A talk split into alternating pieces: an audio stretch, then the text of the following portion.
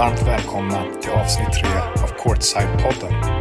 Mitt namn är Ted Högfeldt och tillsammans med Fredrik Osten av Engström ska vi i den här poddserien djupdyka ner i svensk basket med syftet att lyfta fram några av de namn som på sina egna sätt lämnat ett avtryck i sporten.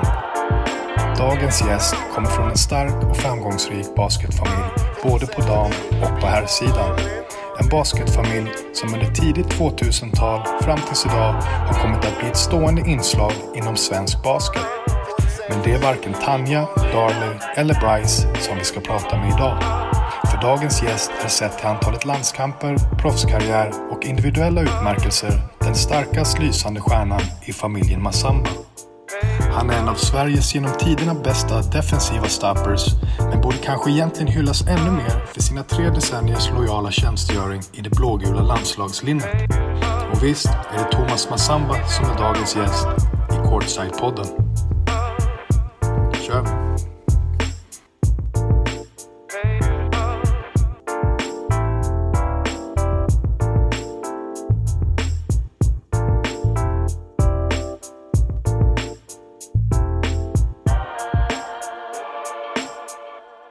Hej och välkomna till Courtside-podden.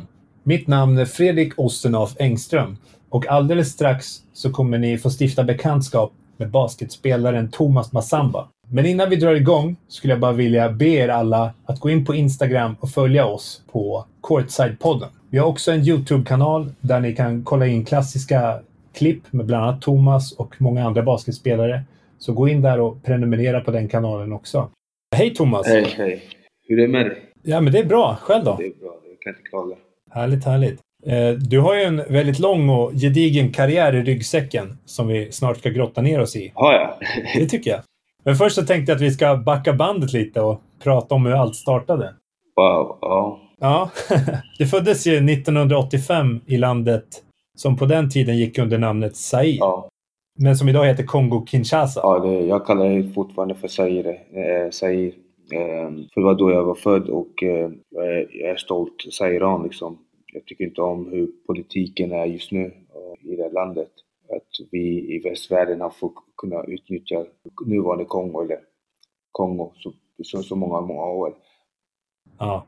Det, det heter ju ändå Demokratiska republiken Kongo nu, men om man tittar på liksom landets historia så märker man ju att det har varit väldigt politiskt infekterat och oroligt. Liksom. Ja, det är ingen demokrati i det här landet. Nej, eh, mestadels, mestadels så är det vi i västvärlden som eh, har dikterat det, det här landet och har splittrat människorna i landet. Det, det tynger mig väldigt mycket. Jag har inte varit så jätteinsatt i det tidigare.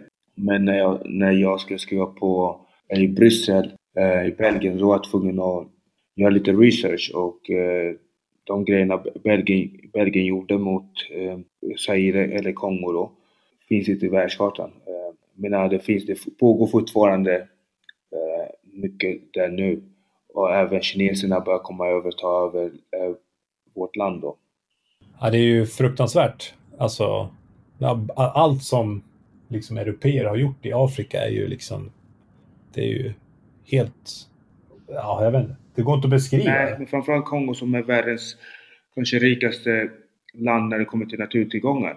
Alla asfalt och sånt som vi kör med i, här i Europa och så, det kommer ju från Kongos träd, eh, Goodyear-trädet. Mhm. Ehm, och det vet inte många om, men och Hiroshima-bomben är ju gjord i, i Kongo också. Så, men det är många som inte vet eh, mycket utav Kongo på, på grund av det, det sägs inte, det står ingenstans.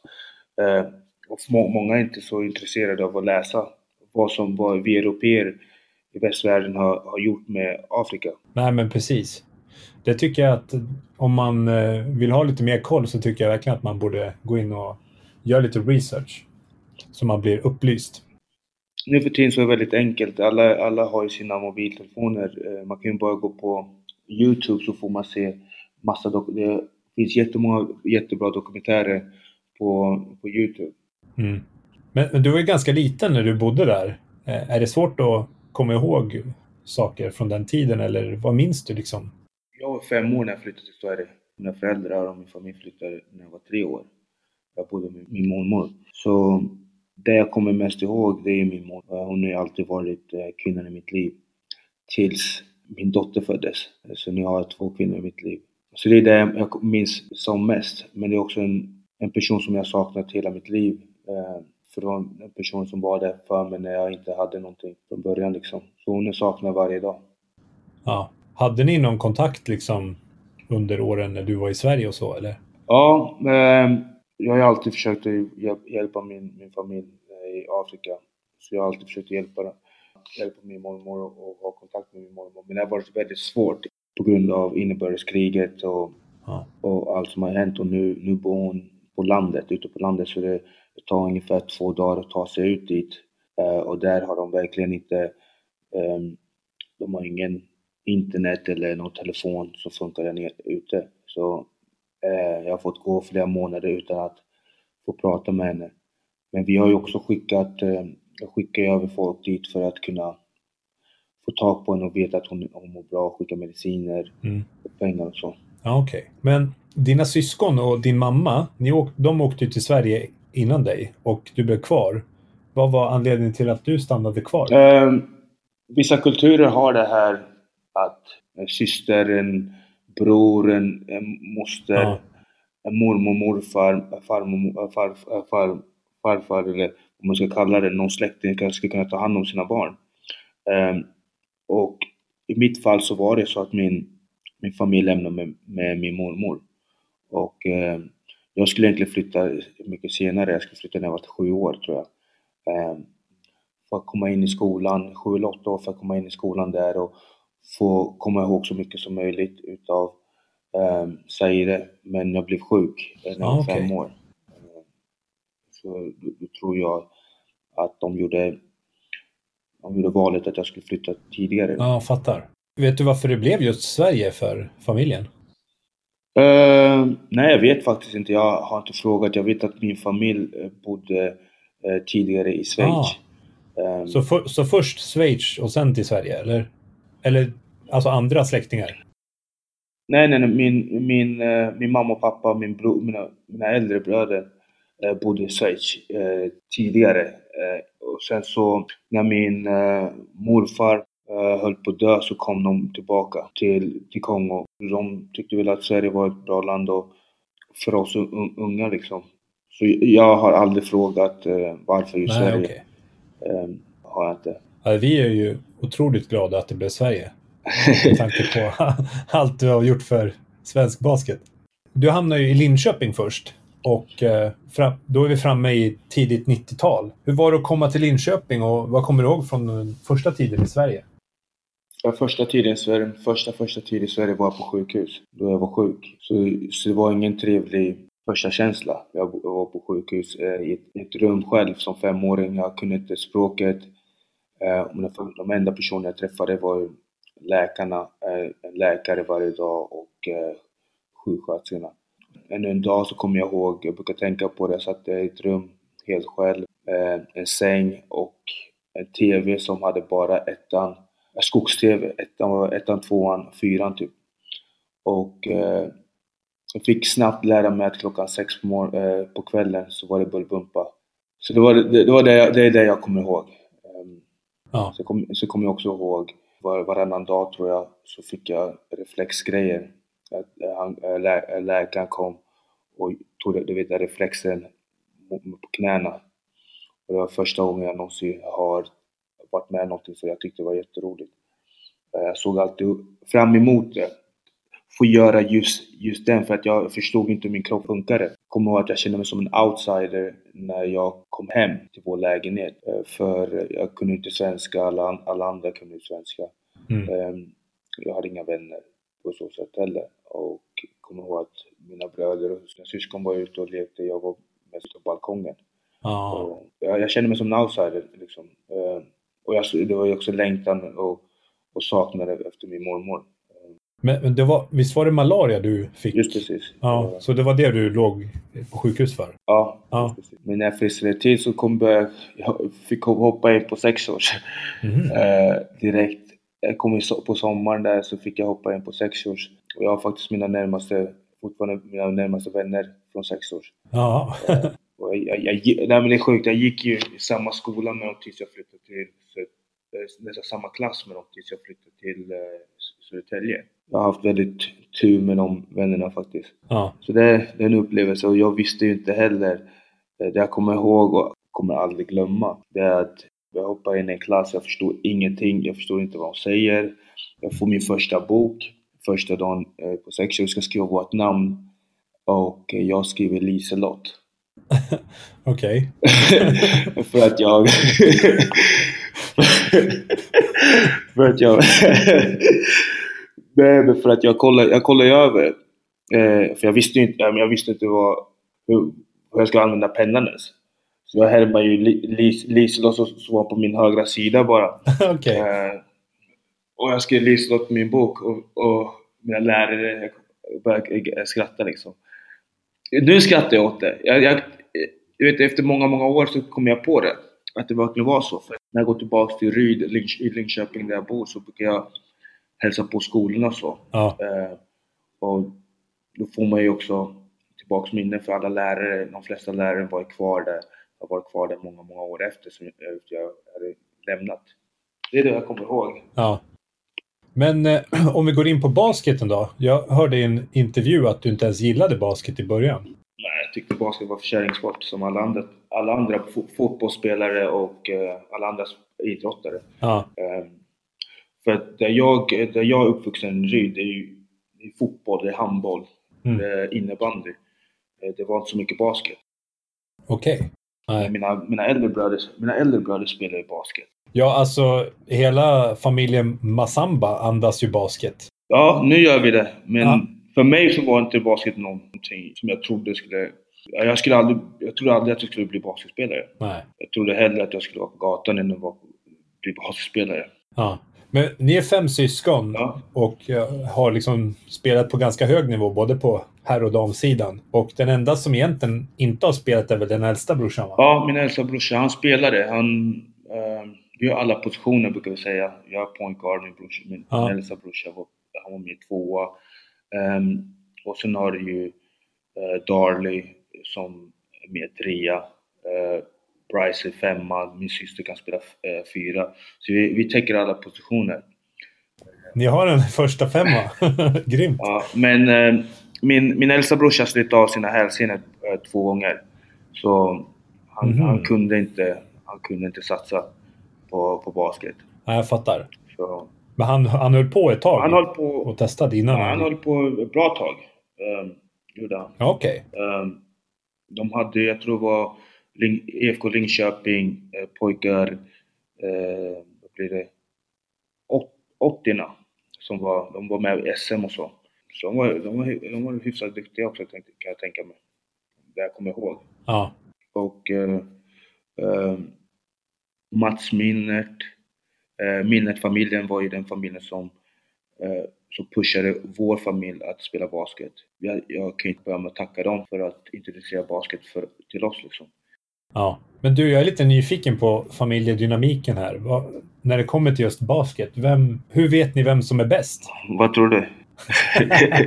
Jag tror att du säger du såklart.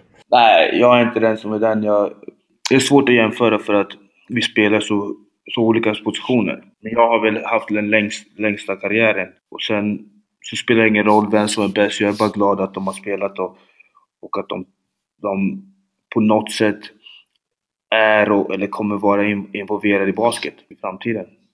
Förutom att vara syskon så har vi alltid någonting gemensamt. Ja. Men har ni kört mycket tä- liksom, tävlingar mot varandra sådär? One-on-ones och... Faktiskt inte. Du vet, när jag, när, när jag växte upp, eh, när jag var 13 år, min, mina bröder lämnade ju... De, vår familj alltid varit så fort man får chansen att lämna huset så bye bye. Eh, när jag började spela som 13-åring så, jag minns mina bröder är ju några år äldre, de började i gymnasiet. Och flyttade, min, min bror gick till, på high school, min, min, min äldsta Dal gick på high school, Daddy, min äldsta bror, han, han lämnade och åkte till, jag tror Eskilstuna. Eh, Ja, okej. Um, Eller Västerås. Jag. Bästa stan. ja, ja, jag har inte så bra koll på det, men jag vet att de, de lämnade och sen min eh, Bryce är ju några år yngre än mig. Så vi har aldrig fått chansen att, att spela mot varandra på så sätt. men stöttar alltid varandra, det har, det har vi alltid gjort. Vi har, vi har haft ett motto som, som vi alltid har sagt till varandra, man är, man är så, äh, så bra som sin sista match. Ja, absolut. Um, men du testade ju en hel del andra sporter innan basket liksom. Testade alla sporter tänkte jag. Gjorde du det? Ja. Vad, vad typ. testade du? Jag spelade fotboll. Jag började med fotboll. Eh, mest för att vår pappa gillade fotboll.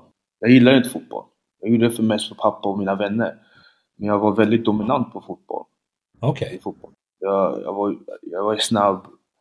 Um, jag kunde sätta mig i vilken position som helst. Och till och med som målvakt så var jag, var jag duktig också. Jag kommer ihåg när jag, jag slutade spela fotboll, gick det två, tre år, två år kanske, så, så fick jag ändå förfrågan att spela eh, med fotbollslag och sen Östgötalaget hade hört av sig. Eh, jag var inte så intresserad av det heller. Men eh, så jag testade handboll för att eh, ridskolan som jag, som jag gick, gick på ja. Eh, i, hög, i högstadiet, vi hade alltid eh, natt, fot, nattidrott. Eh, alltså nattband. Vi, vi hittade på grejer för att, för att hålla oss borta från det kriminella. Så det var alltid nattfotboll, nattinnebandy, natthandboll. Då vi, vi kunde vara kvar i skolan och, och, och få hålla på med idrott. Så jag, det var på så sätt jag, jag blev intresserad av alla andra sporter också. Um, men det var, som, som sagt, vi var inte intresserade av basket på grund av att jag var inte intresserad av basket på grund av att det var ingen annan som spelade basket. Eh, om jag minns rätt så var det en sommar som jag bestämde mig att jag skulle spela basket. Det var nog att, jag, jag tror att jag, eh, om jag minns rätt nu, att mina bröder spelade, spelade tre mot tre streetbasket utanför Rydskolan precis. Och eh, med sitt lag då. Och jag var och kollade på eh, och jag fick hoppa in. Liksom. Ah. Men, jag var inte, men jag var inte bra. Uh, jag, var, jag tror de foulade mig extra hårt bara för att jag har gått runt och sagt att basket är kärringsport. Efter den dagen bestämde jag mig att jag ska spela basket. Ja, okej. Okay. Men du, du spelade ju Linköping som första lag. Hur skulle du beskriva ja. Thomas Massamba på den tiden? Alltså, kanske lite efter den här 3x3-turneringen, när du hade börjat spela liksom? Jag, jag var väldigt vild. Jag visste att min styrka var att jag var snabb och att jag alltid varit lite starkare än de i min ålder. Så jag kunde ta bollen coast to coast. Det var det, det enda jag ville göra. Inte passa så mycket som jag gör nu för tiden. Jag bara tog den och, och försökte göra, göra poäng. Framförallt dunka, för det var så man fick tjejerna. Ja, okej. Okay. Eh, så det, det, var, det var det mesta, det var det jag ville göra. Jag ta bollen. För när man kommer i en sån klubb eh, som IFK Linköping som inte är i Stockholm, som inte är så organiserad. Fast IFK Linköping var, var organiserad. Mm. Men det är inte samma som Södertälje, SBBK, eh, Alvik och Fryshuset. Det är mer organis organiserade klubbar. Mm. Så jag, jag försökte bara ta min eh, spela med instinkt liksom. Och, mm. och jag fick ju friheten att göra det också. För att mina bröder var de de var i klubben. Eh, mm. Hade jag varit någon annan så hade jag kanske inte fått samma frihet. Men om du hade fått ge ett råd till Thomas Massamba i K5 Linköping då? Vad hade du sagt till honom? Ska jag vara ärlig? Ja. Ingenting. Kör bara. Nej, för jag, nej, kör, för jag tror att man måste man ska inte sätta begränsningar på unga, man ska försöka lyfta upp dem. Det har alltid varit mitt mål med, med basketen när jag, när jag coachar ungdomar och mm. när jag håller på med mina, mina läger och sånt. Jag, jag försöker se det bästa utav den individen, den personen. Ja. Och för jag vet ju själv, jag, jag, jag är en late bloomer. Jag har många gånger, folk har ju tryckt ner mig. Fortfarande, folk pratar, efter den karriären jag haft, folk pratar fortfarande och försöker trycka ner min, min karriär och trycka ner hur, vad jag har gjort och vad jag har åstadkommit. Ja. Jag vet hur det känns själv, så jag vill lyfta upp de här ungarna så mycket som möjligt. Och jag skulle, mm. om, jag, om jag kunde gå tillbaks nu och prata med mig, min unga Thomas, så hade jag sagt do you. Men kanske jobba lite mer på skottet. Ja. Uh, skotttekniken. Uh, att i tidig ålder få träna på att skjuta. Uh, mm. Både från studs och från catch and shoot.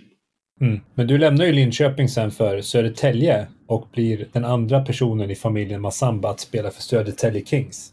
Din bror Darley Hur skulle du beskriva honom? Min bror Dali har alltid varit min förebild för att han var den första personen som gick på college eh, och spelade basket. Mm. Han var den första personen som blev proffs i familjen. Ehm, Så jag, följer hans, jag ville följa hans fotspår. Mm. Och eh, jag menar, när man kommer från, från Ryd, det är inte många som kom, lämnar Ryd. Nej. Min bror var en av de första som jag kände som lyckades ta sig ur Ja. Ryd med sporten. Som jag kände. Jag, det kan ha funnits några tidigare, men Ja. som jag kände. Ehm, och sen att jag fick möjligheten eh, med hjälp av eh, både skolan, Pia, som var, som var en jätte, som har alltid varit jättebra mentor för mig. Mm. Eh, Pia, eh, skolan, kyrkan och närpolisen i Ryd. Mm. Eh, för jag, jag sökte upp till Fryshuset först. Men Ja, okej. det, var inte bra, det skulle inte vara något bra val för mig. Så de rekommenderade mina papper när jag, vart, när jag fick förfrågan av, av Södertälje att åka och stärka, stärka deras lag, 85-laget. Eh, så skrev både Pia, skolan, sjukhus, eh, jag menar, kyrkan och närpolisen brev till kommunen för att kunna släppa mig. För det, för det är ju det är ju så att då kommunen var ju tvungen att betala mig och Södertälje, Södertälje kommun pengar för att jag skulle ha chans att, få spela basket och studera i Södertälje. För jag, jag hade ingen boende där. Det var ju så. Ryds kommun eller Linköpings kommun var ju tvungna att betala för det. Men du läste ju på basketgymnasiet där i Södertälje. Mm. Eh, Västergårdsgymnasiet som, som inte existerar längre. Nej, hur var det att gå där då? Eh, nytt. Jag menar, först och främst, det svåraste var där jag bodde. Jag bodde i Pershagen, kanske det finaste området i Södertälje. Eh, när jag bestämde att jag skulle flytta till Södertälje så hade min bror bott hos en, en man som nu är död, eh, Bert Johansson. Eh, han jobbade med Södertälje och dog faktiskt i, i Täljehallen eh, för, no för några år sedan. Eh, han, hans fru hade dött och han var ensamstående man som hade jobbat på Scania, väldigt högt uppsatt på Scania. Och ja, han gillar ju, han känner sig lite ung fortfarande. Och då fick jag, jag fick bo där. För min, Ja. min bror hade, hade haft en, hade en tjej, de bodde tillsammans. Och det passade mig jättebra och han kände till min bror och accepter- eh, tillät mig att bo i, i hans hus. Um, men det var nytt, för jag hade aldrig, vet, jag, först och främst så pratade inte jag ren svenska kan man säga. Jag bröt hela tiden för i Ryd så bröt vi. Det var mycket slang. Men där, i området så fick jag lära mig prata ren svenska och det var bara svenska familjer där. Så det var, det var något helt nytt faktiskt för mig. Jag förstår. Och, ja, men skolan var, eh, som sagt, jag, jag var ju helt ny. Jag, alla andra var ju från Södertälje. Men jag var ju utifrån, så då blev jag ytterligare en outsider. Men fortfarande väldigt välkommen utav mitt lag. Du spelade i Södertälje Knights först va? Ja, men vi var ju, vi var 85-lag och sen så tränade vi och spelade med uh, våran B-lag som heter Knights. Södertälje Kings och sen underlaget heter Knights. Men uh, vi hade också vårt egna, vårt eget lag som hette uh, Södertälje 85, P85. Ja, okej. Ja. Ehm, och det var det laget vi spelade NBL till exempel. Och, Ja. eh, ja. Ni gick väl till Final Four i Moskva va? Vi gick till Final Four Moskva, spelade mot Moskva i semifinalen.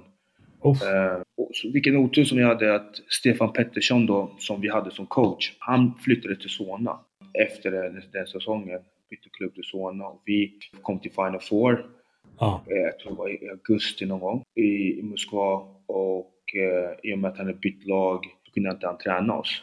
Mhm. Så två veckor innan vi skulle åka så fick jag för, för, fick vi för första gången Torbjörn Gerke eh, som skulle ta oss dit.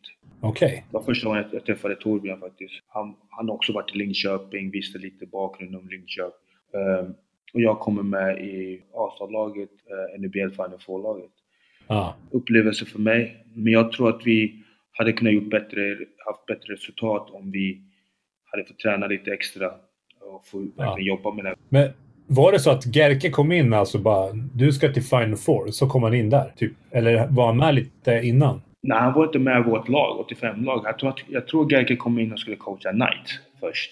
Och så fick han, ja men de ska spela Final Four om, om några, några veckor. Kan du ta Ja. dem också? Okej. Vår, vår, deras coach är, bort, är borta nu. Så Mm. det, var lite, det var lite så jag kom med Gerke också, om jag minns rätt. För vi, vi hade ju spelat med ett, år, helt år med eh, om ett och ett halvt år eller ett år med, vad heter han? Med Stefan Pettersson liksom. Ja. Vi hade våra system, alla visste sina roller. Eh, och nu så kom Gerke eh, in och det var helt nytt för honom. Mm, jag förstår. Men ni hade, det här laget som ni hade, det var väl Alexander Wikner var med då va? Ja, Alexander Wigner, Johan Jansson, eh, Jimmy Elgeryd, eh, Robert Södergran som kanske var vår bästa spelare då, Mm. eh, tidig ålder. Eh, Jonte två- Mossberg också va? Eh, Jonte är ju tre år äldre än oss, eh, så Aha. Jonte spelar i, i, i, han är två år äldre.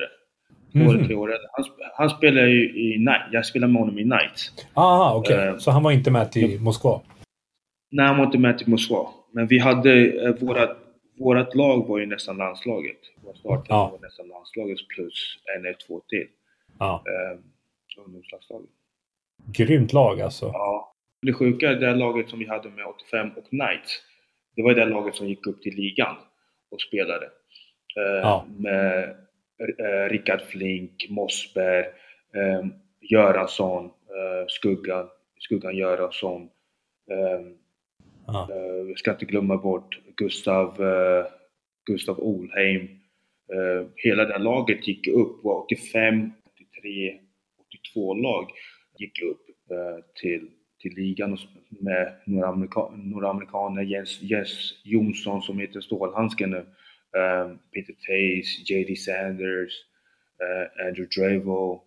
Eh, um, nej men vi hade en core uh, och det var en stomme också. Många lag nu för tiden byter ut sina spelare till vänster och höger liksom. Men uh, Geike gjorde ett fantastiskt jobb och försökte behålla stommen så länge som möjligt. Precis som man gjorde i Jämtland här nu. Vad heter det? Men alltså, då var ni, man kan säga att ni var topp fyra i Europa då. Eh, det här, när ni var i Final Four i er åldersgrupp. Absolut. Det är inte, det är inte illa. Nej, vi slog ut lag som alltså Sabonis, vi slog ut lag från Litauen, Estland eh, som var coachade av Sovjetlegender. Ja. Men eh, vi var borta, vi, vi brukar kalla oss för globetrotters ibland. Vi var borta under skoltid, så vi var borta två, tre veckor eh, åt gången. Mm. Eh, Så vi packade väskan och åkte till Estland och sen Lettland. Vi var borta hela tiden. Men jag får inte glömma bort att eh, Micke Johansson, han var ju med oss hela tiden, även om han coachade uppe, uppe i Luleå. Han bara dök upp när vi skulle på färjan liksom och var med oss. Och fantastisk kille, Micke Johansson. Eh, Men du har ju spelat några år i Södertälje och sen har du återvänt dit efter vändor i andra klubbar. Vad är, det som, vad är det med klubben som har gjort att du har velat återvända dit? Wow. Södertälje gav mig chansen när ingen annan ville ge mig chansen. Jag fick vara Thomas. Även om vissa coacher, högt uppsatta personer i, i svensk basket ville knappt ha mig där. Jag menar, prata om mitt hår, hur mitt hår såg ut, hur jag, hur jag var klädd för att jag var annorlunda. Jag var annorlunda och jag visste om det. Jag kommer alltid vara annorlunda. Jag kommer inte vara den vanliga Svensson, bara mitt utseende. Och eh, till exempel säga att jag inte kunde styra ett lag på grund av att jag inte kunde kontrollera, eh, bestämma vilket hårmönster jag skulle ha på, mina flätor till exempel. Eller som en coach som alltid motiverar mig varje, varje lag jag kommer i. Att slänga ut mig för att jag får en sån här talangplats och gå och träna en vecka med, med Kings. Eh, Jag blev utslängd från, från träningen så att jag inte tillhörde det laget jag skulle inte vara där. Eh, Det är en motivation som jag alltid tar med mig. Mm. Som jag alltid gjort under hela mitt liv. Inte bara för eh, när jag kommer till basket, men hela mitt liv. Liksom. Mm. Fanns det många svarta spelare i Södertälje på den här tiden? Absolut inte. Inte så många, det var bara amerikaner. Och sen kanske, jag vet Claudia, Claudi som var på i, i 84-tjejerna. Hon, hon, hon var ju svart. Ehm, inte som ung spelare. Det, det var väldigt svenskt. Ja. Jag menar, det är många syrianer, men det var inte så många syrianer som spelade basket. Eh, Så det var väldigt mycket svenskt. Och eh, då var det klart och tydligt att spelar man i Södertälje så var man, var man tillräckligt duktig att vara med i landslaget. Eller Mm. man fick i alla fall en chans. Som man inte får eh, runt om i, värld, eh, runt om i landet. Jag menar, det, man kollar vilka, vilka lag som får ut sina, eh, som fick ut sina spelare. Det var Luleå, eh, oss och Göteborg. Ja. Stockholmslagen liksom. Det var inte Linköping. Jag är fortfarande samma spelare. Mm. Men jag fick aldrig någon chans att vara med. Inte som bra spelare Linköping, tänker de. Så är det med mellansvenskan också, som jag jobbar med jättemycket med mitt företag. Mellansvenska basketen. Det är inte så många som får chansen där. Även om de sticker ut eh, lite extra och kanske är bättre än några spelare i, i Stockholm eller stora regionerna. Mm. Men de får inte så stor chans. Nej, men vi har ju, det är ju samma sak där. Vi har ju två spelare från Västerås, Matilda Ek och Sofia Hägg. Och båda de spelarna har ju varit i både Luleå och Södertälje nu, Sofia Hägg. Och det, är ju, det känns ju som att man behöver komma till någon större klubb för att kunna ja, få det erkännandet liksom. Jo, men det... Eh, du vet, jag har nämnt det förut. Eh, jag kommer nämna det första jag nämner. Jag tror att det skrivs så, så, mycket, så lite om basket i, i Sverige. Och det ser så, mycket, så lite om basket i Sverige så att spelar man inte i en viss klubb eller där det skrivs mycket, där, där man syns, så får man inte chansen. Eh, Nej. Det, samma, det är samma sak som vi har folk som har bashat mig hela mitt liv bara för att jag inte har varit i, i deras klubb. Eh, ah. i, i, Sverige liksom. Och sen så fort man kommer till deras klubb, då vänder de kappan, kappan till vinden. Men det, vi vet om det, Luleå var samma sak. Luleå har ju, bashade ju också mig innan jag åkte upp dit. Jag, jag är inte deras speltyp. Jag var ju syndabock när vi förlorade i kvartsfinalen. Ingen, ingen tänkte på vad vi egentligen gjorde. Eh, vilka importer vi egentligen hade. Vi hade det första året de hade rookie-importer. Eh, hur ska man få resultat när, när man inte kan kontrollera rookie-importer? Och eh, Jämtland var eh, året innan så spelade jag för Luleå och jag blev buad uppe i Jämtland men så fort jag, jag signade, satte på mig Jämtlandströjan då var det en helt annan grej. Mm. Så, och sen har vi eh, den här personen som alltid skriver så, så mycket som... Ah, han i Borås. Eh, som tal, talar och försöker basha svensk, svensk basket. Man har fått en, en stämpel som att han kan basket. Men jag har aldrig sett honom spela någon gång. Eh, eller gjort någonting själv för svensk basket. Bara skriver, kommenterar om, försöker trycka ner vissa spelare och lyfta upp vissa spelare som han tycker om. Vi är alla mänskliga liksom. E egentligen ska, ska vi försöka vara ett team och försöka lyfta upp basket som ni gör nu. Försöka lyfta upp basket så mycket som möjligt och för att i slutändan så är, så är svensk basket som vad heter det, får stryk utav att bara skriva negativa grejer om alla andra. Det har du ju helt rätt i. Det är, det är det vi som sagt strävar efter, att försöka få fler att bli intresserade av basket. Det har ni lyckats med. Tack! Kul att höra verkligen. Och det här är som sagt, det är bara början. Det tror jag också. Jag, ty jag tycker att vi ska samarbeta mycket mer än vad vi gör med svensk basket. För alla andra gör det. Därför landslagen spelar bättre, går bättre. Därför ungdomarna utvecklas och, och kan stanna kvar i sina moderklubbar för att man mm. blir omtyckt. Minns du din premiär i basketligan förresten? Um, wow. var det Norrköping? Eller Ockelbo? Jag tror det var Ockelbo. Jag, jag, kommer, jag, jag var inte med på den tiden, så jag vet inte. Men jag, jag minns min premiär. premiär. Du vet, jag var så förberedd, så var helt sjukt. För jag hade veteraner, jag nämnde dem förut. Jerry Sanders. Jag var, jag var roommate med Jerry Sanders min första år. Jag var livrädd. Mm. Um, att göra fel. Och någonting Gerke alltid gjorde var att han satte de unga spelare med veteraner första resorna. Mm. Jag vet inte varför. Han har kanske haft han kanske har fått gå igenom det själv när han, när han spelat utomlands eller på college eller vad som helst. Jag hade Jerry Sanders som min mentor. Eh, stålhandske och Peter Tails. Mm. Så jag var... Jag visste vad jag skulle göra. Och mitt jobb som Gerke gav mig var att jag skulle vara defensive stopper liksom. Mm. Så det var inte, jag, jag tänkte inte, jag spelade ju bara på energi. Jag var så ung, jag spelade mest på energi. Om jag gjorde fel så gjorde jag fel. Eh, Södertälje på den här tiden, liksom mellan 2002 och 2005, eh, hur, hur, det var liksom defensive stopper som, som var din roll då liksom? Um, ja, alltså min roll varierade. Ah, okay. Jag fick i tidig ålder lära mig att anpassa mig för dagen. När Peter Tay spelade, när han inte var skadad, spelade jag mer tvåa, defensive stopper. Mm. Men när han var skadad eller sjuk, då fick jag ta point guard-rollen. Så jag fick anpassa mig väldigt mycket. Men i och med att det behövdes mer att jag stoppade någon så fick jag den här stämpeln, boom, du spelar försvar. Och och det har ju följt med mig i svensk basket sedan jag var 18 år. Mm. Jag har ingen offensiv spelare, jag kan inte, jag kan inte eh, spela offens, jag kan bara spela försvar, bla bla bla. Men med tiden, jag, jag är ganska, jag har väldigt bra hög eh, IQ och jag, jag är inte en självisk person så jag tar ju hellre, jag kan ta och anpassa mig och spela försvar och göra det, det laget behöver och täppa hål istället för att alla kan inte göra 20 poäng. Nej. De måste göra den andra grejen också. Mm. Men vilka äldre och mer rutinerade spelare var liksom de som du såg upp till mest liksom, på den här tiden? Du nämnde ju Stålhandske och Peter Tays innan. Var det de som... Jerry Sanders, Stålhandske och Peter Tays var de äldsta i laget. Ja. Och det var ju de jag såg mest eh, upp till. På grund av att när jag gick upp i ligan, Mm. då hade vi inte telefoner. Alltså jag hade en telefon. Jag hade en Nokia 3210 kanske.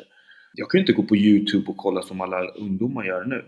Nej. Eh, Jag var ju tvungen på åtta, åtta timmars bussresa sitta och lyssna på eh, en timme JD prata med mig. Hur, hur man, man blir en man. Hur, vad man gör och hur, hur, vad man gör på plan och vad man gör utanför plan. Hur, hur man beter sig. Och sen så går jag till Stålhandsken och berättar okej, hur, hur hans perspektiv, hur han tycker att livet är, hur, hur man ska bete sig, vad jag ska leta efter när jag spelar på point guard. Mm. Eh, eller när jag spelar som tvåa för att göra det enklare för mig att få enkla poäng. Sen går jag till Peter Tays som pratar för mig hur hans perspektiv, han har ju spelat utomlands också. eh, I Ungern och vad han insåg var viktigt för mig, min utveckling på den positionen jag skulle spela på. Mm. Och i omklädningsrummet samma sak. Satt inte i telefonen och knappade. Och man fick ta skit liksom. Eh, en rookie var rookie. Nu för tiden så är inte en rookie rookie. Så fort man, man ber en rookie göra någonting, då, är det, då börjar han gråta och tycka att det är fel och, och det är personligt och så. Men alla vi, alla vi ska egentligen gå igenom det här för att kunna lära ut det senare. Du var ju, blev ju årets rookie 2004 och eh, då spelade ni, var det semifinal ni spelade mot Norrköping? Norrköping. Jag var på bussen när jag fick det. Ja. Jag kommer ihåg det. Ehm, jag, var på, jag var på bussen Mm. eh, eh, hem efter en förlust. Ja. ja. Du skulle stoppa G. Gervin va? G. Gervin, ja. Ja. Som blev årets MVP, artist och guard samma år. Just det. Och du gjorde den uppgiften ganska bra va? Jag gjorde den uppgiften. Jag tror jag har gjort alla mina uppgifter ganska bra när det kommer till att stoppa någon. Ja. Jag, jag, tog, jag tog ju, vad ska man säga, pride av min, min uppdrag liksom. Mm. För att det, det var en pusselbit till att vi skulle vinna. Men jag kommer ihåg att vi förlorade matchen alla fall när jag fick det. Jag var inte så glad. Jag förstod inte vad, vad det in, innebar då. Jag förstod inte. Jag var 18 år. Jag var bara småirriterad att förlora en match. Och G. Gervin eh, gör en... Alltså, jag tror han gjorde en finger roll nästan från mellan straffkast och eh, cirkeln där eh, för att få en buzzer beater. Jag var bara... Uff. Jag var irriterad. Eh, Så du vet, jag tänkte inte på det förrän efter säsongen. Att jag hade fått utnämnd, jag blev utnämnd till årets rookie. Ja.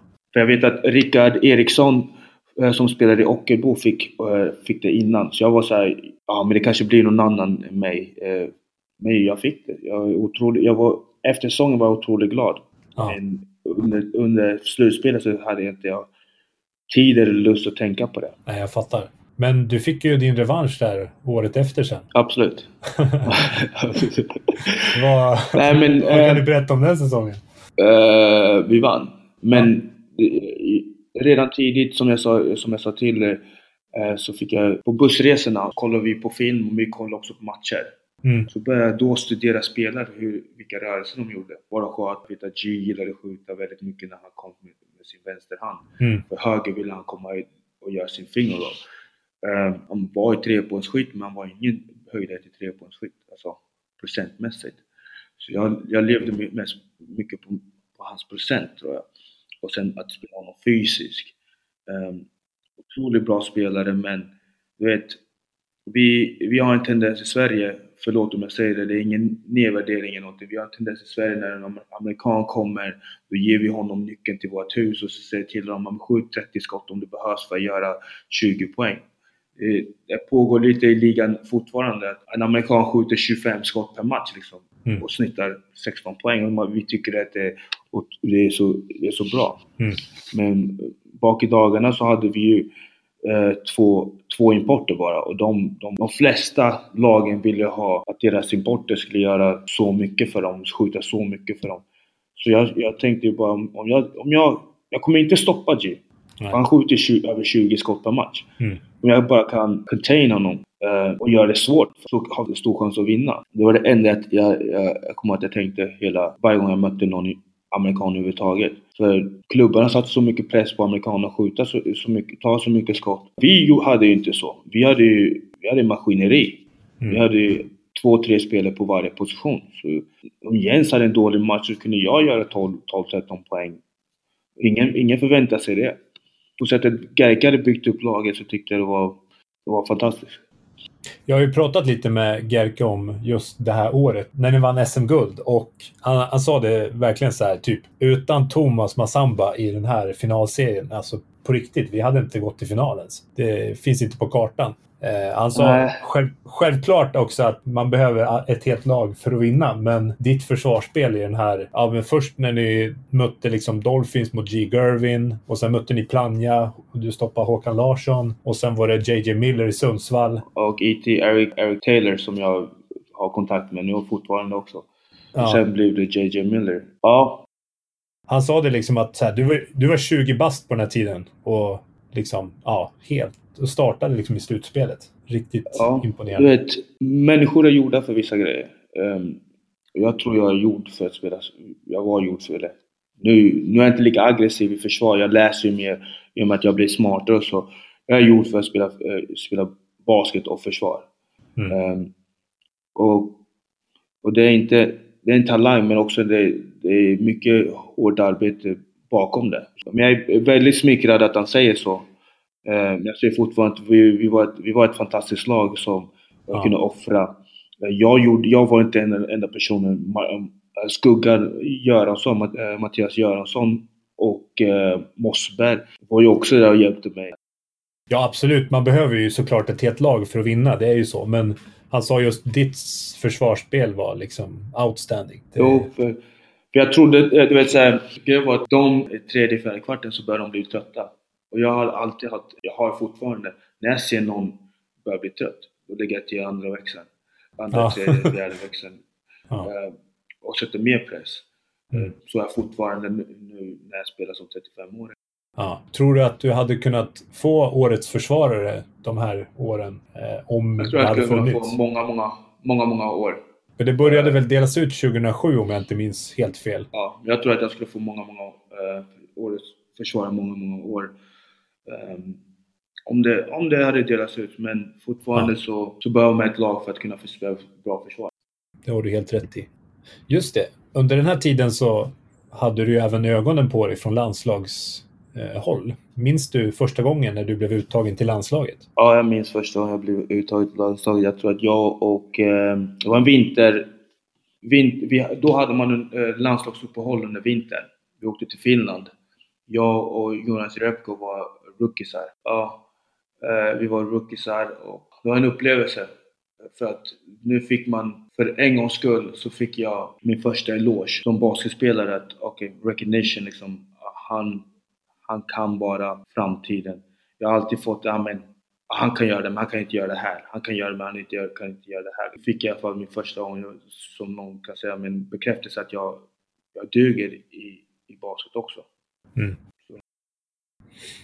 Du, jag, jag pratade faktiskt lite med Jonas inför den här intervjun för att kolla lite vad han tycker om dig som spelare. Jag tänkte jag Jonas. ska testa Jerebko. Jaha, okej. The one and The only. one and only Jonas. Jag ska se här om jag kan lyckas spela upp det för dig. Tjena! Ja, jag ska prata lite om Thomas då.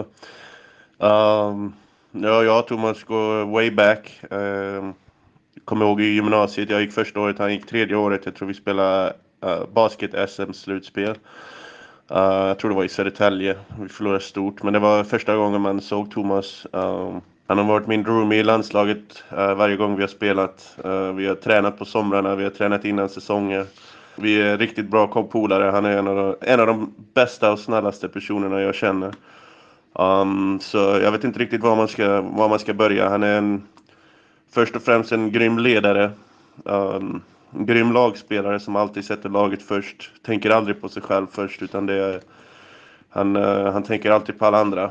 Eh, det kan vara en av hans svagheter att han inte riktigt vågar ta för sig för han är väldigt, väldigt duktig spelare.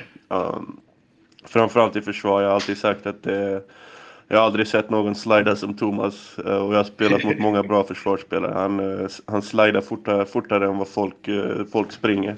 Så ja, han har haft en grym karriär, han har vunnit, vunnit mycket överallt i Europa. Jag har alltid tyckt att han, han är bättre än vad han har visat eh, om han hade vågat ta för sig mer. Så det skulle jag väl säga är den enda svagheten så, hos Thomas är att han ibland är för snäll. Eh, han borde, borde ta för sig lite mer. Um, grym kompis, grym lagkamrat, uh, grym person som uh, förtjänar all cred som, uh, som, som du kommer ge han i podden. Thomas Massamba är en av de bästa lagkamraterna, om inte den bästa som jag någonsin haft. Jag värderar honom som en, en av mina bästa vänner. Um, och jag hoppas att få spela med honom i landslaget igen innan, innan han lägger av och jag lägger av. Um, absolut inget dåligt att säga om honom, det är bara, bara bra grejer. Så. wow, wow. Hur var det? Vad säger man efter någonting sånt? ja, jag vet inte. Vad säger man? Nej, nej, nej. Det är, som Jonas säger, vi är väldigt bra vänner. Eh, när Jonas bodde i Detroit till exempel, eh, han spelade för Detroit och även, jag var ju där när han signade för Boston. Jag var med honom när han signade för Boston. Vi, vi är nära, vi pratar ännu idag och vi, vi båda är, vi är föräldrar. Det värmer mig att höra vad Jonas har att säga om mig för jag tycker exakt samma sak om Jonas med all, all respekt. Ja, det är svårt att ta in men det, det, oftast, vi får inte höra så varandra så ofta. Vi, vi, håller, på, vi håller kontakter mellan, med, med varandra hela tiden och det är en vän som jag kan gå om vi går kanske en månad utan att prata och sen så, så pratar vi igen, så är det som, att, som vi pratade igår. Um, så har vi alltid varit. Det är en, en av mina närmaste vänner och jag, vi, många tror inte, många vet inte vilken relation vi har. För vi är inte så här som går och skryter om det och pratar om det öppet och så. För vi båda är lika, lika, likadana som personer. Vi, vi håller våra, våra liv lite mer privat och low key liksom. Det finns ingenting att skryta om. Eh, vi lever, våra, vi lever vanligt liv ändå. Mm. Eh, men du, eh, 2005, då lämnar ju du Södertälje och hamnar i Solna Vikings. Hur hamnade du där? Eh, lång historia kort. Det blev inte som jag, jag ville att det skulle bli med Södertälje. För om du, om du minns rätt så sa jag att min brorsa varit på college. Eh, folk från ja. Södertälje gick, gick och lämnade Södertälje och gick på college. Men eh, när vi vann SM-guld så vet jag inte vad som hände med klubben. De ville att jag skulle signa, de trodde att jag skulle signa bara för att signa liksom. Men jag hade ju pratat med Arizona och Arizona State och uh, University of Buffalo tror jag. Um, ja, och att det var dags för mig att gå på, följa min, min nästa dröm, spela på college. Jag höll på att committa till Arizona State. Men uh, som sagt, det blev inte som det blev. Jag blev clearad för clearinghouse, uh, så jag var spelredo att gå dit. Och hade jag gått dit hade min karriär kanske sett helt annorlunda ut. För jag vet vad de ville att jag skulle bli där. De ville att jag skulle bli en going first point, äh, eh, point guard. Men eh, någonting hände. Eh, jag går inte in i detaljerna. Men så valde jag att, Eh, jag tänkte att jag kanske lägger av med basket istället. För jag var så nere. Efter att ha vunnit SM-guld. Um, efter allt jag gått igenom för att bevisa vem jag var. Så står jag där och får inte uppfylla mitt liv, äh, eh, min dröm. Jag var, jag, var mest, jag var mest ledsen och besviken. Men så hamnade jag i Valencia ändå. Jag åkte över till Valencia. Eh, innan det hade jag tränat lite med Sona, så åkte jag till Valencia. Jag skulle spela där, sen fick jag, jag fick ganska lång kontrakt. Jag, jag var rädd, mest rädd för att jag just då i Valencia så hade de tre pointguards. redan. Eh, Rigador, så hade de Rigador, franska pointguarden, eh, en serbisk pointguard och en spansk pointguard som var lite äldre än mig. Men de har mål med honom. Han kommer gå till NBA. Vi, vi, vi tror han kommer gå till NBA, så vi kommer satsa på honom. Men så fick jag lång, långtidskontrakt, men jag skulle inte få spela. Och i och med att jag var så pass bra i försvar så ville de att jag skulle träna, eh, spela försvar och träna upp deras äh, träna upp point som var före mig. Jag känner bara att jag, jag är bättre, bättre än den, den spanska point Jag förtjänar minuter, bla bla. Eh, jag kommer inte gå några år utan att bli utlånad och bara få träna, träna, träna och spela. Ehm, så jag valde att åka hem. Så jag valde att åka hem och nästan slutade spela. Men ehm, Stefan Bergman tog kontakt med mig. Och, och det, det, blev att jag spelade för Solna Vikings. som jag, om jag ska vara ärlig, det var ett av mina bästa val jag gjorde under, mina karriär, under min karriär. Spelar med Sona Vikings, spelar med Charles Thomas och Derek Tarver. De är mina vänner nu. Eh, Charles, Charles Thomas och hans familj, hela hans familj är min extra familj i USA. Jag har bott med dem, jag, min eh, Charles yngsta eh, son eh, Channing är min gudson som fyllde år igår. Eh, och min son fyller år idag. Helt sjukt.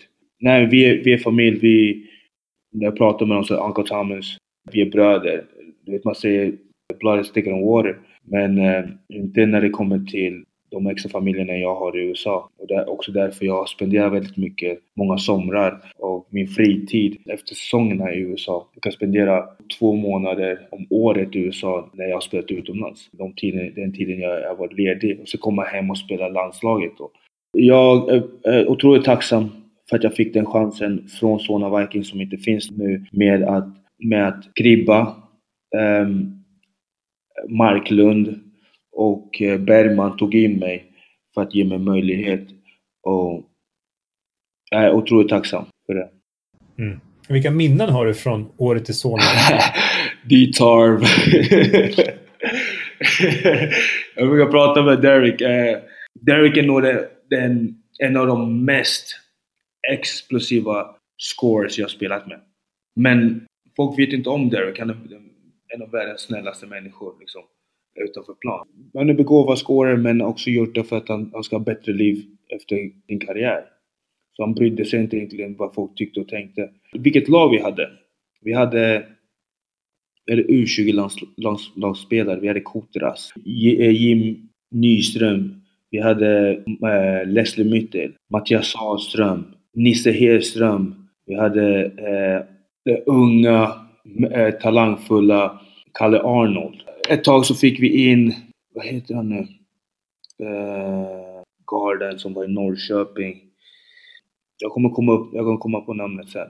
Vi hade otroligt... Uh, Ma, uh, Mart, Martin Palmblad hade vi också. Um, I laget. Alltså vi, vi var stärkt. Vi var stärkt. Men skojar inte. Våra, ja, våra Achilles var ju... Uh, och sen hade Charles Thomas, Bocca, Bocca var med som gick till Ockelbo och snittade 20 någonting. Och sen fick, äh, fick äh, jobb i, i, i, Frankrike, Paris. Och sen hade vi Derek Tarver. Vår Achilles var ju, var ju Derek egentligen. Men han var våran, han var våran, han var stjärna, allting. Men var våra Achilles också. För att när, när han började äh, bli het. William Copeland hette han. William Copeland ja. hade vi också. När han började bli het då, då fanns det ingen annan andra bollar att passa liksom. Man var bara han man skulle passa bollen till. Han skulle göra allting själv. Och det, det var ju förklarat, bevisat också i, i finalen där när varje gång han fick bollen, Luleå bara satte alla män på, på den sidan han spelade. Alla spelare på hans, den sidan och han vägrade passa bollen. Och den, den gången vi, han passade bollen så vann vi med 20 poäng tror jag. Så det, det var en upplevelse det också. Mm. Men eh, du byter sen klubb och hamnar i 08 Stockholm innan du återvänder till Södertälje igen. Varför blev det bara ett år i 08? Ett år i 08? Uh, rekryteringen var ju att jag, jag, ville egentligen, jag ville egentligen utomlands efter det. Ah. Jag fick smaka på att åka till uh, Valencia. Uh, så jag ville egentligen, min intresse var egentligen utomlands. Men ah. vad som fick mig... För jag hade sagt till sonen efter den incident som hade hänt på mina tänder. Så jag slog ut mina tänder på en träning. Så med min försäkring och så fick en prick i registret. Jag vet inte hur det gick till. Aha. Men jag fick en prick i registret. Jag, jag är 21 år och har prick i registret. Jag har aldrig gjort någonting som någon har catchat olagligt eller någonting. Förstår vad Och ja. jag ännu en gång känner mig förkrossad. Jag känner mig som en outsider. Varför har jag inte kunnat tagit hand om det här? Eller betalat, betalat min, min räkning eller vad som helst. Ja. Det kom ju på mitt namn, det kom ju inte på klubbens namn. För det var, Nej oavsett om jag var försäkrad inom klubben så, fick jag, så kom ändå fakturan på mig. Mm. Det var jobbigt. Så jag ville, jag ville utomlands men eh, från ingenstans så hörde Jonte Karlsson av sig till mig. Jag tror att han hade fått jobbet precis innan. Eh, hörde av sig till mig och sa att jag vill spela svensk. Och i, i början så var det så här, ah, det är bara, det är bara skitsnack. Kommer säkert signa någon annan amerikan, och bla bla bla. Men så blev jag bjuden till honom. Jag kommer ihåg att jag blev bjuden till honom Han kom och hämtade upp mig i Täljehallen och körde hem mig till honom och vi, vi satt och pratade. Så berättade han vad han ville göra, att, han, att Jocke Blom skulle komma hem och spela för honom. Och han, han gav mig en vision jag gillade. Han gav mig första gången att jag kanske skulle spela med Olli och Oliver Lugna som jag då såg upp till. Olivier Lunga var ju den personen som, som var närmast mig som var, han var i Benetton Treviso, han var utomlands liksom. Han var Zlatan, basket-Zlatan, mycket det var reportage om honom då. Uh, jag skulle få chans att spela med Holly. Så uh, ett, två med Holly, ska jag lära mig lite grejer för Holly. Så jag sa ja men absolut, jag, jag kommer. Inga problem, så jag signade för Norra Stockholm. Uh, jag hade ett fantastiskt år, jag kom med ett svenskt lag nästan med en import liksom. Och sen så fick vi Darius, uh, Demetrius Brown fick vi um, mm. till slutspelet men med ett svenskt lag ta sig till slutspel det, det, det förklarar bara, bevisar bara på hur bra vi var, svenska spelarna, att vi inte mm. fått chanser så mycket och också då hur, hur bra Jonte Karlsson var som coach. Så det, det är det jag kan säga om eh, Norra Stockholm, äh, året. Men sen blev det Södertälje igen innan Cypern Ja, jag kom ju dit eh, för Södertälje behövde hjälp, tror jag. Jag kom ju dit, det var en kort, en kort varsel som jag var där. Södertälje sen 08, samma år. Under hela den här tiden som jag fick åka utomlands så hade jag ett problem. Mitt hjärta har alltid varit min svaghet. Det var ju att min moster hade kommit hit med fem barn. Um, ensamstående. Och jag hjälpte till ganska mycket om jag ska vara ärlig. Och och just den perioden, de här två åren som var där, så höll de på att bli utvisade. Det var så här vecka till vecka, det kunde vara nästa månad. Och det var väldigt jobbigt för mig under den perioden på grund av att jag hade kommit nära min, min familj igen. Eh, barnen där, mina, mina kusiner. Jag, som sagt, kommit nära dem. Jag hade Ketja som är yngst där. Hon var som min, som min dotter nästan. Hon gick runt i skolan så att jag, eh, på dagis så att jag var hennes pappa. Så det var, det var en jobbig period på så sätt. Jag ville egentligen inte lämna min familj oavsett om jag, jag var tuff och macho och sa att jag, jag ville ut, jag ville ut. Men i slutändan var ju också att jag gjorde beslut, jag tog mitt beslut efter att jag ville vara i Stockholmsområdet för att kunna vara med dem, för att kunna träffa dem. Jag hade, jag hade bil i mitt kontrakt så att jag kunde åka till Sollentuna för att träffa, mina, för att träffa dem så mycket som möjligt. Mm. Men eh, du, det blev ju tre år i Södertälje innan utlandskarriären tar fart. Hur hamnade du på Sypen och i klubben Eta Ngomis? Eta Ngomis. Men uh, hur det hamnade? Jag spelade i Södertälje, började i Södertälje när Geke kom tillbaks tror jag. Och sen så flyttade jag till avslutssäsongen i, i 08 med Stefan efter jul tror jag. Och ja. eh, under säsongen så skadade sig Olivier Luna. Han skadade knät. Eh, ett, jag har försökt att ta kontakt med mig tidigare men nu såg de möjligheten att verkligen ta kontakt med, med mig och jag får ett kontrakt. Jag är villig liksom om jag ska åka iväg, om jag ska ta chansen nu, jag ska åka iväg och spela slutspel. Men jag gör inte det för någon anledning. Min familj, vad som helst, det var alltid cold feet i slutet. Ja, men jag ska göra det, sen så vågar jag inte ta den chansen. Så har jag en agent som heter Iman, som är, han är faktiskt från Sverige, Malmö. Man har blivit en jättestor agent Europa när det kommer till fotboll och basket också. Så han mm. tar kontakt med mig och pratar med mig och jag skriver på honom. Det första namnet som kommer upp är Essa. Och jag, mm. jag sa, men jag har redan tackat nej till dem. Uh, så berättar han om vi, den här planen har vi. Vi vill att du spelar långsiktig, lång karriär utomlands. Vi vill bygga upp din karriär. Så här, så här ungefär vill jag vill att vi bygger. Etta kommer spela ute i Europa. Det, var, det hette inte Fiba eh, Eurocup, jag tror det hette någonting annat då. Ja, så när han tog kontakt med mig och sa att de kommer spela i Europa, du kommer få eh, exposure, du, du får, kommer garanterat få kontrakt någon annanstans. Du måste ta det här kontraktet. Uh, för mig var inte pengarna så viktiga, men jag, hade, jag fick eh, fyra, fem gånger bättre än vad jag fick i Sverige. Men du måste, någon gång måste du klippa navelsträngen med din familj liksom. Du, du är man, du måste ta ansvar. Uh, ja. Nu kan du ännu, hjälpa dem ännu mer med ditt nya kontrakt och bla bla. Så signade jag för detta. Jag signade för att jag visste ingen, ingenting om Cypern. Jag, jag visste bara att det var Ayia Napa var på Cypern. det, det, det är det enda jag visste. Jag visste inte hur tuff ligan var, hur fysisk ligan var. Att vi hade fyra, fem lag som spelade ut i Europa. Eh, vilka eh, XNB-spelare kom ner dit och spelade. Eh, det var, jag visste ingenting om, om landet. I mitt Ja. kontrakt så står det egen lägenhet, bil, allt det här. Men de har inte gjort redo med lägenheten. Så jag fick bo i en lägenhet med eh, stor lägenhet första veckorna med en, en vitryss, guard, Ja. point guard Ja. och en serbisk point guard, Mikko. Och Ja. ingen av dem kunde engelska. Oj. Ingen av dem kunde engelska. En bil, en nyckel, ingen av dem kan engelska. Och jag, jag sitter bara och kollar, så, vad är det här? Eh, och du vet, våran... Hur vi är uppvuxna i Sverige är helt annorlunda hur man är uppvuxen i, i Jugoslavien. Och sen är det helt annorlunda hur man är uppvuxen i, i, i Vitryssland, Ryssland. Så Ja. du vet, jag kunde vakna på morgonen, deras klä, smutsiga kläder hängde, hade kläder på golvet. Det var, det var bara, du vet, man, du vet, man går in på toaletten, vi spolar, vi spolar toalettpapper, de spolar inte toalettpapper.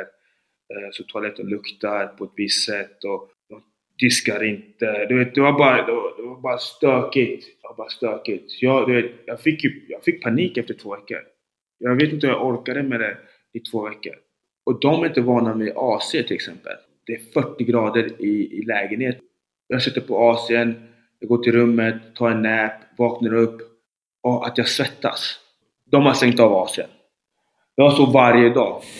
Men på nätterna, ja, men på natten, jag, jag vaknar på natten, sätter på AC'n så jag får somna lite. De stänger av AC'n. Till slut så satte jag på AC'n och gömde. Jag gömde faktiskt fjärrkontrollen till AC'n i toaletten. Du vet såhär, satte den i en påse, satte den i, i flera påsar och gömde den i toaletten. Du vet den här vatten, vattendunken. Ja, ja. Fan vad smart. Ja, jag var tvungen att göra sådana grejer hela tiden. Du vet, vi hade en tvättmaskin, eh, tvättmaskin, de tvättar inte kläderna, de, de, de sköljer kläderna, hänger upp det och det stinker fortfarande eh, i lägenheten liksom. Ehm, så, så jag gjorde, jag gjorde så här massa småknep. Så att när, när vi kom hem från träningen, de hängde upp sina kläder och tog sin nap. Jag tog deras kläder, stängde in i tvättmaskinen, tog snabb tvätt. Medan de duschade. Mm. Och så hängde jag upp deras kläder. Eh, bara sådana grejer. att Det var... Ja. Ja. Men du, ni, ni vann ju både ligan och eh, kuppen första året du var på ön, eller hur? ja. Kom ihåg försäsongen, vi var tvungna att vakna. Vi var tvungna att vakna klockan... Vi sprang klockan fem på morgonen. Ehm, för att klockan sex började bli för varmt. Um, på Cypern. Så vi sprang väldigt tidigt liksom. Och det var helt nytt. Och sen för att komma i shape. eh, vi fick inte vara i hallen mellan... eh, vi fick komma in i hallen klockan sex på kvällen. Eller sju på kvällen för att det började svana lite. Hallen.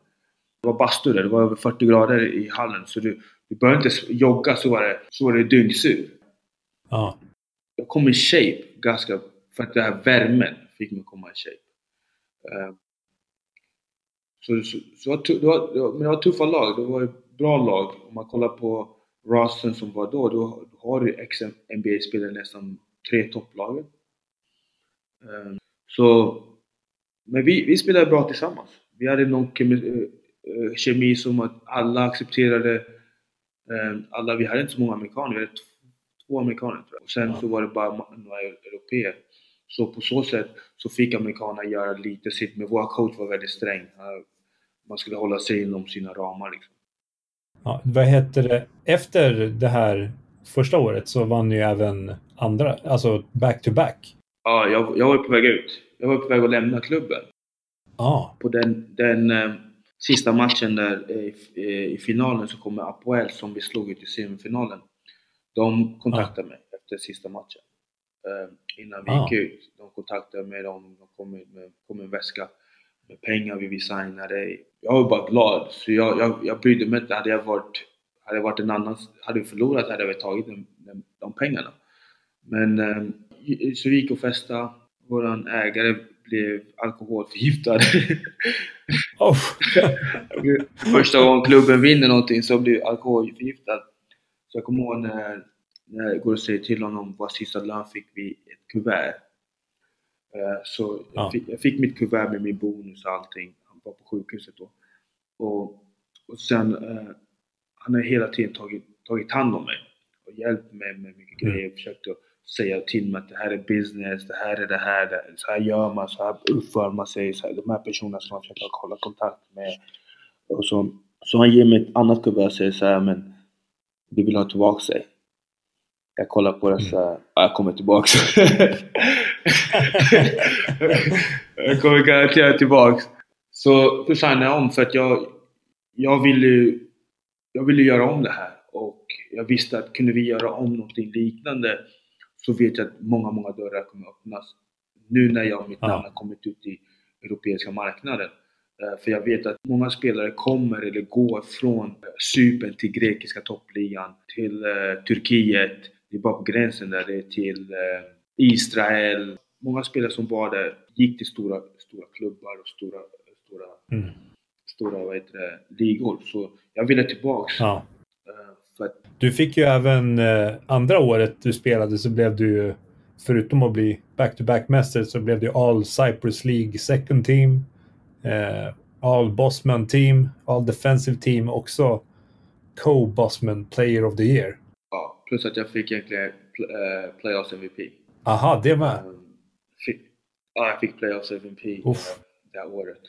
Vad heter, för er som inte har liksom någon aning om det här, alltså hur det såg ut på den här tiden, så kan jag tipsa om ett YouTube-klipp som vi har på våran YouTube-kanal, Courtside-podden, där det är en intervju med Thomas från det här andra året i Etasen Gomis.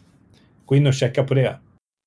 Men du, vet, basketen var så... Du vet, Essa, det är en, en liten bit av, av Nicosia. Ja.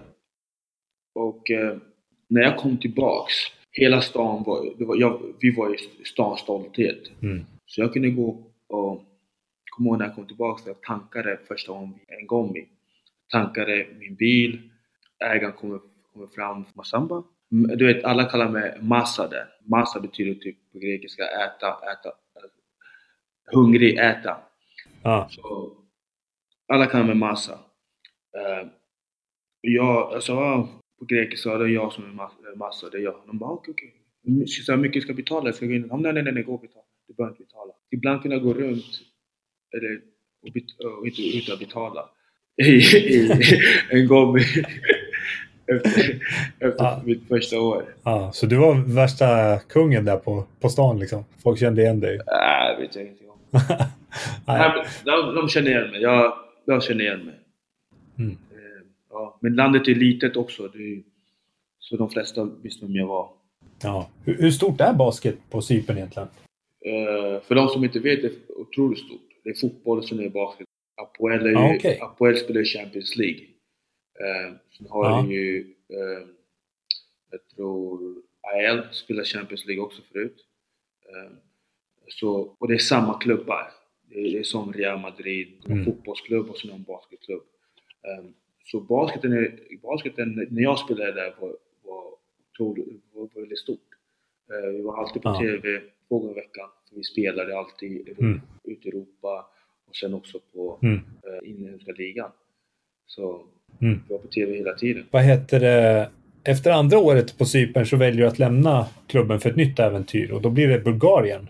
Ja. Varför blev det just Lu- Lukoil Sofia i Bulgarien? Eh, Lukoil då var ett Euroleague-kvalifiktionslag. Eh, Mm.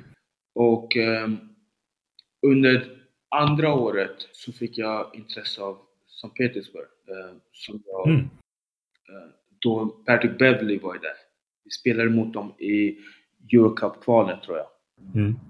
Så fick jag intresse av dem. Jag håller på att prata men det blev ingenting av. Vi håller på att prata jättelänge men det blev ingenting av. När säsongen började närma sig så kom Sasha som var GM för, för Lukoil. Han hade Mm. redan, han, hans bästa kompis var min coach. Ah. Ja, så han har sett mig två år och sa att jag vill verkligen ha det. För han var där och kollade på nästan hela slutspel. För slutspelen i Bulgarien är väldigt sent. Så han var också på cypriotiska slutspel och kollade på spelare där. Så jag vill verkligen, verkligen ha det. Jag kommer betala för att få det. Och jag var såhär, men äh, bullshit liksom. jag, jag kommer vänta. Jag pratade med min agent. Jag vill egentligen åka till Israel, varmt land, Så jag har pratat på med israeliska klubbar. Men det, det blev hela tiden såhär, vi kan få honom lite billigare för att han är amerikan. För israeliska reglerna när amerikaner skattar lägre. Jag pratade med ett lag och sen två veckor senare så rinner det i sanden liksom. Mm. Och sen så kom det ju andra lag bilden, men när min agent sa vet, vet du vad, du, jag vet inte vad du håller på med. Sasha kommer ge dig vad du vill ha, om inte mer. Och sen ägaren har ringt mig, han brukar inte ringa, han har ringt mig specifikt dig, ägaren av Lukoil. Eh, det var han som ägde alla, alla bensinstationer i Bulgarien, neråt liksom, länderna. Så han, han kommer ge dig bra lön. Det här är under landslags, det här är under lands, landslag, vi kommer spela Bulgarien. Och Bulgarien hade en point av Bojo som spelade, som, som spelade också med landslaget. Och en vecka innan jag signade så skrev eh, Darius Walkings som jag spelar med på Cypern, han skrev på det här laget. Så vi har Darius Walkings som han, han lämnade oss och gick till New Orleans Pelicans. Och sen så signade hon Devin Green som har spelat med, med New York Knicks, eller Lakers, Abukar som, har, Mm. som skulle bli draftad. Och sen hade de Brandon Heath som jag kände av som har varit i NBA också. Jag känner ju av alla spelare. Och då när jag pratade med, eh, med Mookie Darius då, Dar- Darren Walkins, så säger han till mig, han bara det här är no-brainer. Liksom, det här laget vi har, otroligt bra lag och eh, jag tror vi kan komma långt. Om vi, om vi får till det och om coach låter oss spela som, som vi kan göra. Så bara för att hålla kniven i strupet mot, eh, mot Sasha så säger jag så här. Jag vill signa kontraktet men jag, jag vill vinna mot Bulgarien först. Så att det inte blir några, så inte blir några snack liksom. Ehm, så de, vi spelade i Norrköping, kommer jag ihåg. Det var nästan redan klart, det var redan klart att jag skulle dit. Att jag hade fått kontrakten, jag skrev på. Jag ville bara vinna mot Bulgarien för då kan inte Bojo och de här landslagsspelarna säga någonting. Nej men vi vann, vi vann matchen. Kommer ihåg jag var med Jonas då också. Han visste det att jag skulle åka Ja. dit. Jag bara, jag, jag signar upp. Jag kommer skicka kontraktet till dem idag. Vi var jätteglada, vi firade. Så gick det till när jag signade för Lukoil. Mm. Vi spelade Euroleague-kval Euroleague-kval några veckor efter. Ja. Vad, vad skulle du beskriva den här säsongen då spelmässigt i säsongen i Bulgarien? Ehm, I början när jag kom dit, uh, då hade vi en turnering. Vi spelade mot uh, Panathinaikos, Barcelona, Strasbourg och ett annat lag som var ett Euroleague-lag. Eh, Jag spelade riktigt bra för jag kom in direkt från landslaget. Ja. Eh, Men grejen var att jag var ju inte coachens spelare. Jag var ju GM och ägarens spelare. De ville att jag skulle starta, men Brandon Heath vann ligan åt den här coachen som kom sent förra året, säsongen innan. Mhm. Han och, och Bojo vann ligan åt honom, så han, han tyckte ja men det är mina point guards. Men Brandon Heath och Bojo är tvåor egentligen. Så han, i, i hans huvud så var det så att han har redan bestämt sig. Vem är som kommer hit? Om inte jag tar in honom, han ska inte spela. Och jag fick inte, jag fick inte spela, jag kommer ihåg att Euroleague-kvalet, under den här turneringen så spelade jag bra. Han försökte klippa mina minuter hela tiden. Försökte jag. Och då sa jag till Sas, jag bara, varför tog du hit mig om jag, om jag ska backa upp en spelare som inte spelar på min position? Han bara, men nej, vi, vi, vi kommer, det kommer lösa. Han vill testa dig, han vill testa det här, det här, det här. Och i Euroleague-kvalen mot Kanto så spelade jag riktigt bra första halvlek. Ja, riktigt bra första halvlek. Vi leder halvlek.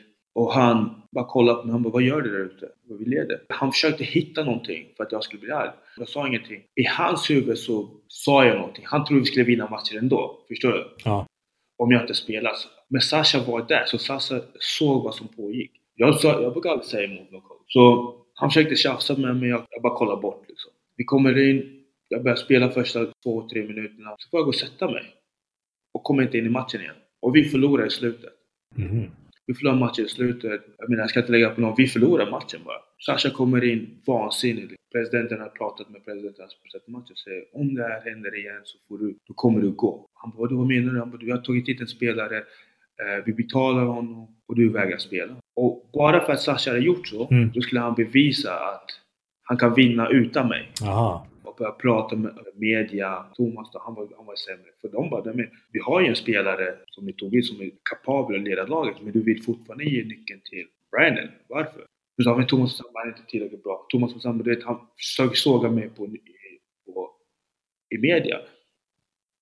Han vet inte att jag, jag har folk som pratar bulgariska, eller som läser här. Så de, de det till mig. Och, vi, och jag satt i möte med honom. Han nekade allting. Och sen så kom det så att vi spelade Bilbao i Eurocup Ja. för att gå vidare. Vinner vi mot Bilbao hemma så går vi vidare. Men den arenan vi spelade i, på i Sofia, den var upptagen så vi fick spela i Ruski, ett lag också där ute. De hade en fin arena. Så vi ber honom, kan vi åka dagen innan? Eller två dagar innan och bo där? Han bara, nej. Vi har spelat där, Bilbao har inte spelat där. Bilbao kommer dagen innan, vi kommer samma dag. Det är som en bortamatch för oss. Och vi Mm. förlorar matchen. Vi, vi håller på och leder, han tar ut mig. Bojo blir stu, eh, han blir bestulen på bollen två gånger i rad. Och vi förlorar mot Bilbao.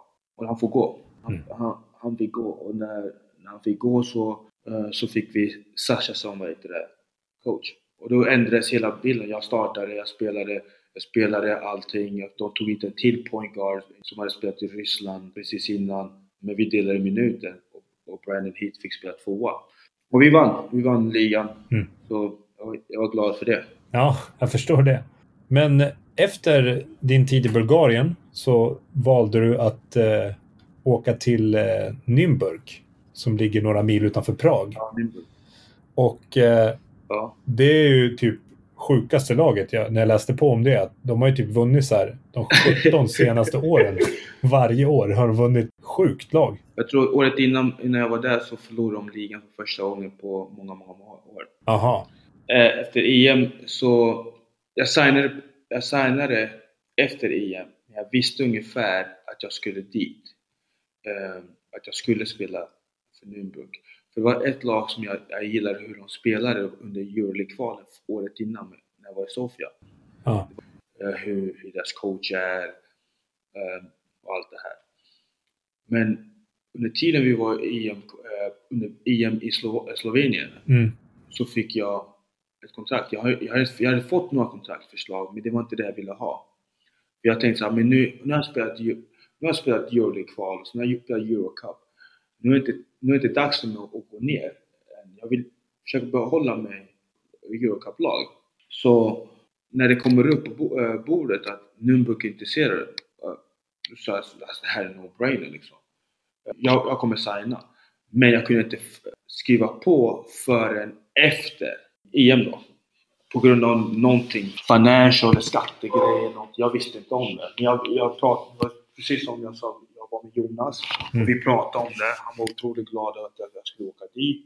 Ja, jag. Åkte över fyra dagar innan Euroleague-kvalet i, i, i Litauen. Mm. Så, ja, otroligt bra lag där också. eh, om jag ska säga så. Det var kanske det bästa laget jag spelat.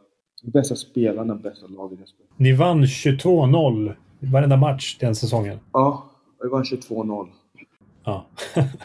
Vi var ostoppbara i, ligan. Eh, vi, Ja. förlorade inte en enda match i slutspelet heller. Ehm, Och tjeckiska kuppen vann ni också. Ja, men vi, du vet, den inhemska ligan så var det så här. Om du kollar på våra stats så var det så att ingen av importerna i den inhemska ligan snittade mer än vad då, 10 poäng. Bara var en som, som snittade mer. Det var Rashid Bahaj som var 22 år.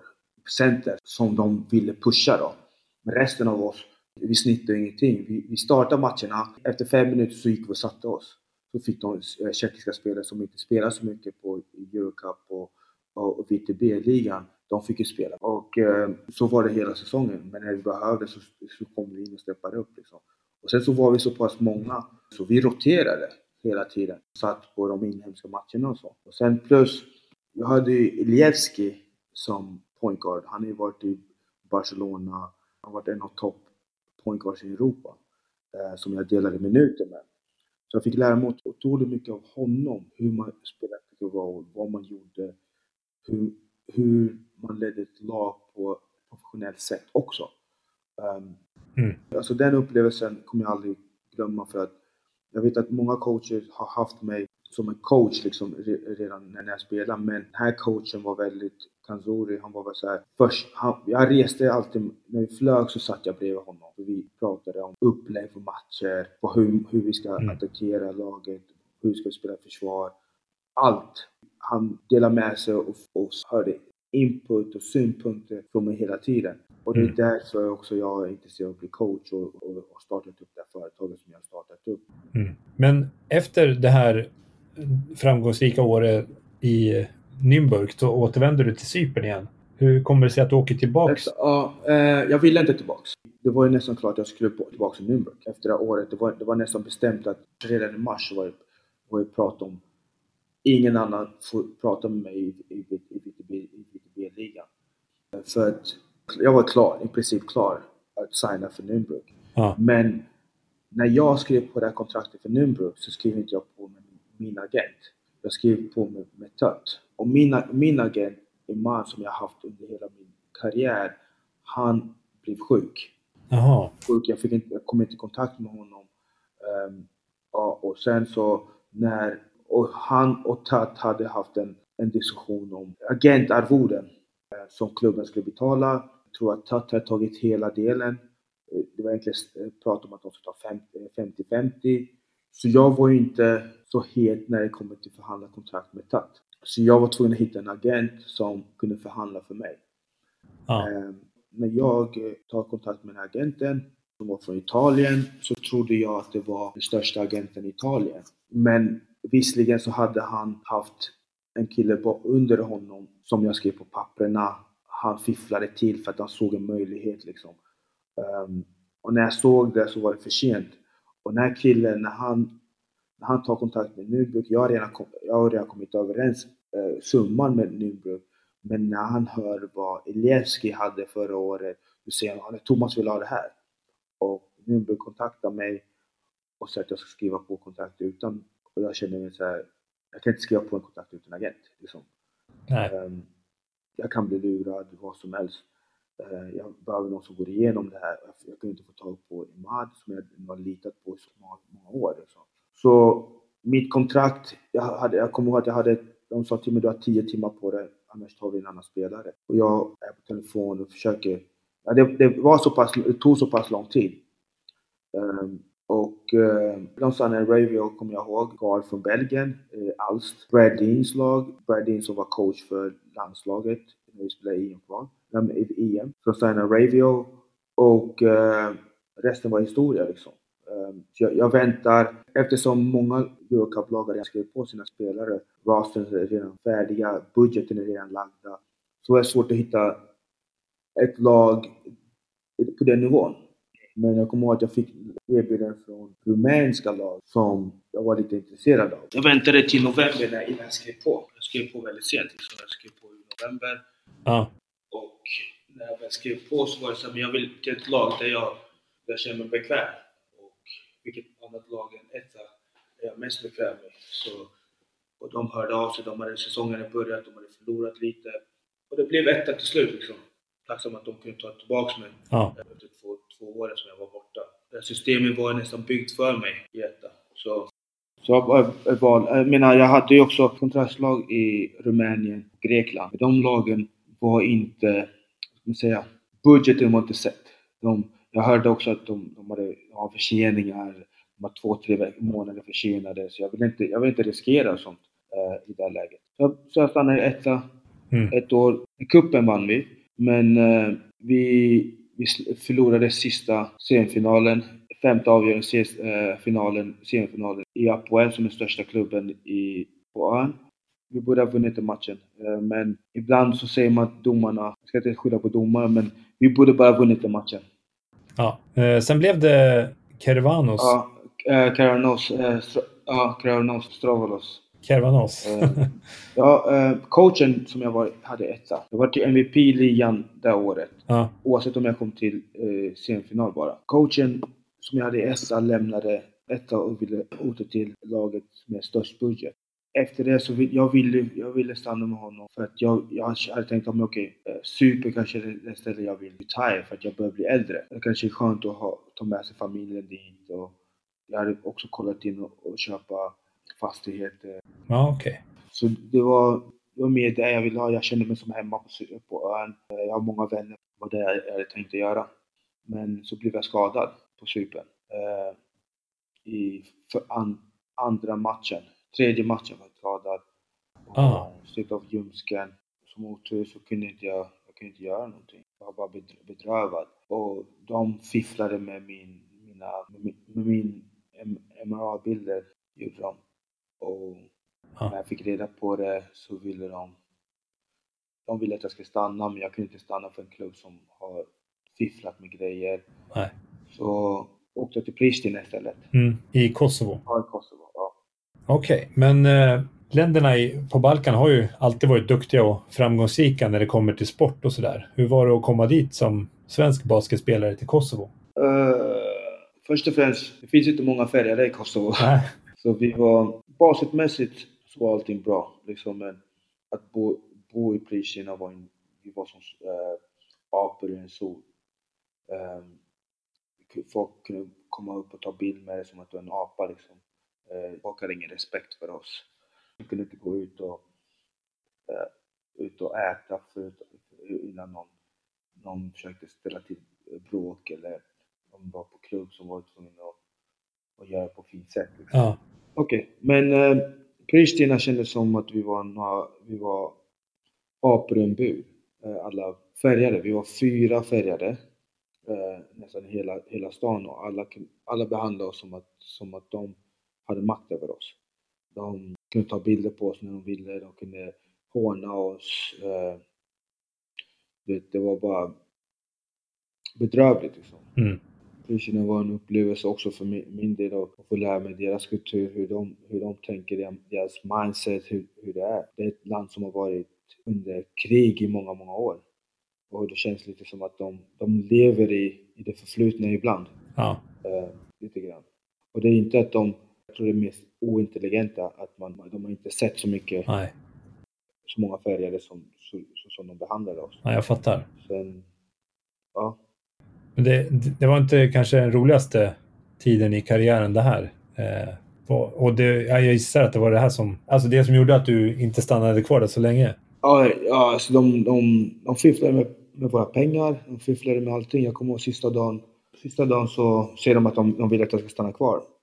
De vill ha kvar med mig, coach och Mo Abukar som jag hade spelat med i Bulgarien då. Ja. Vi var i samma lag nu. Och vi pratade om det ganska ofta, men vi kanske, kan man, ska, man komma, ska man verkligen komma tillbaks hit och allt handlar inte om pengar längre. Eh, för man blev ju livshotad typ var och varannan dag. Ja, shit. På träningen eller efter matchen hade man... Vi förlorade typ knappt inga matcher liksom. Varje gång vi förlorade det var så här, ja, ert liv stod på spel liksom. Ni måste vinna. Uh, kommer ihåg att vi förlorade första, första finalen. Det har inte med oss alls att göra. Hade det inte för att, att vi hade bortamatch.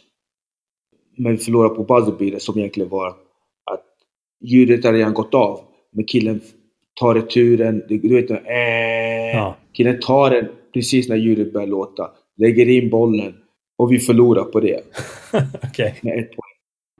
Jaha. Vi kom hem till Pristina dagen efter. 25 personer som, som är huliganer k- kommer in i, i hallen precis när vi värmer upp, liksom, stretchar.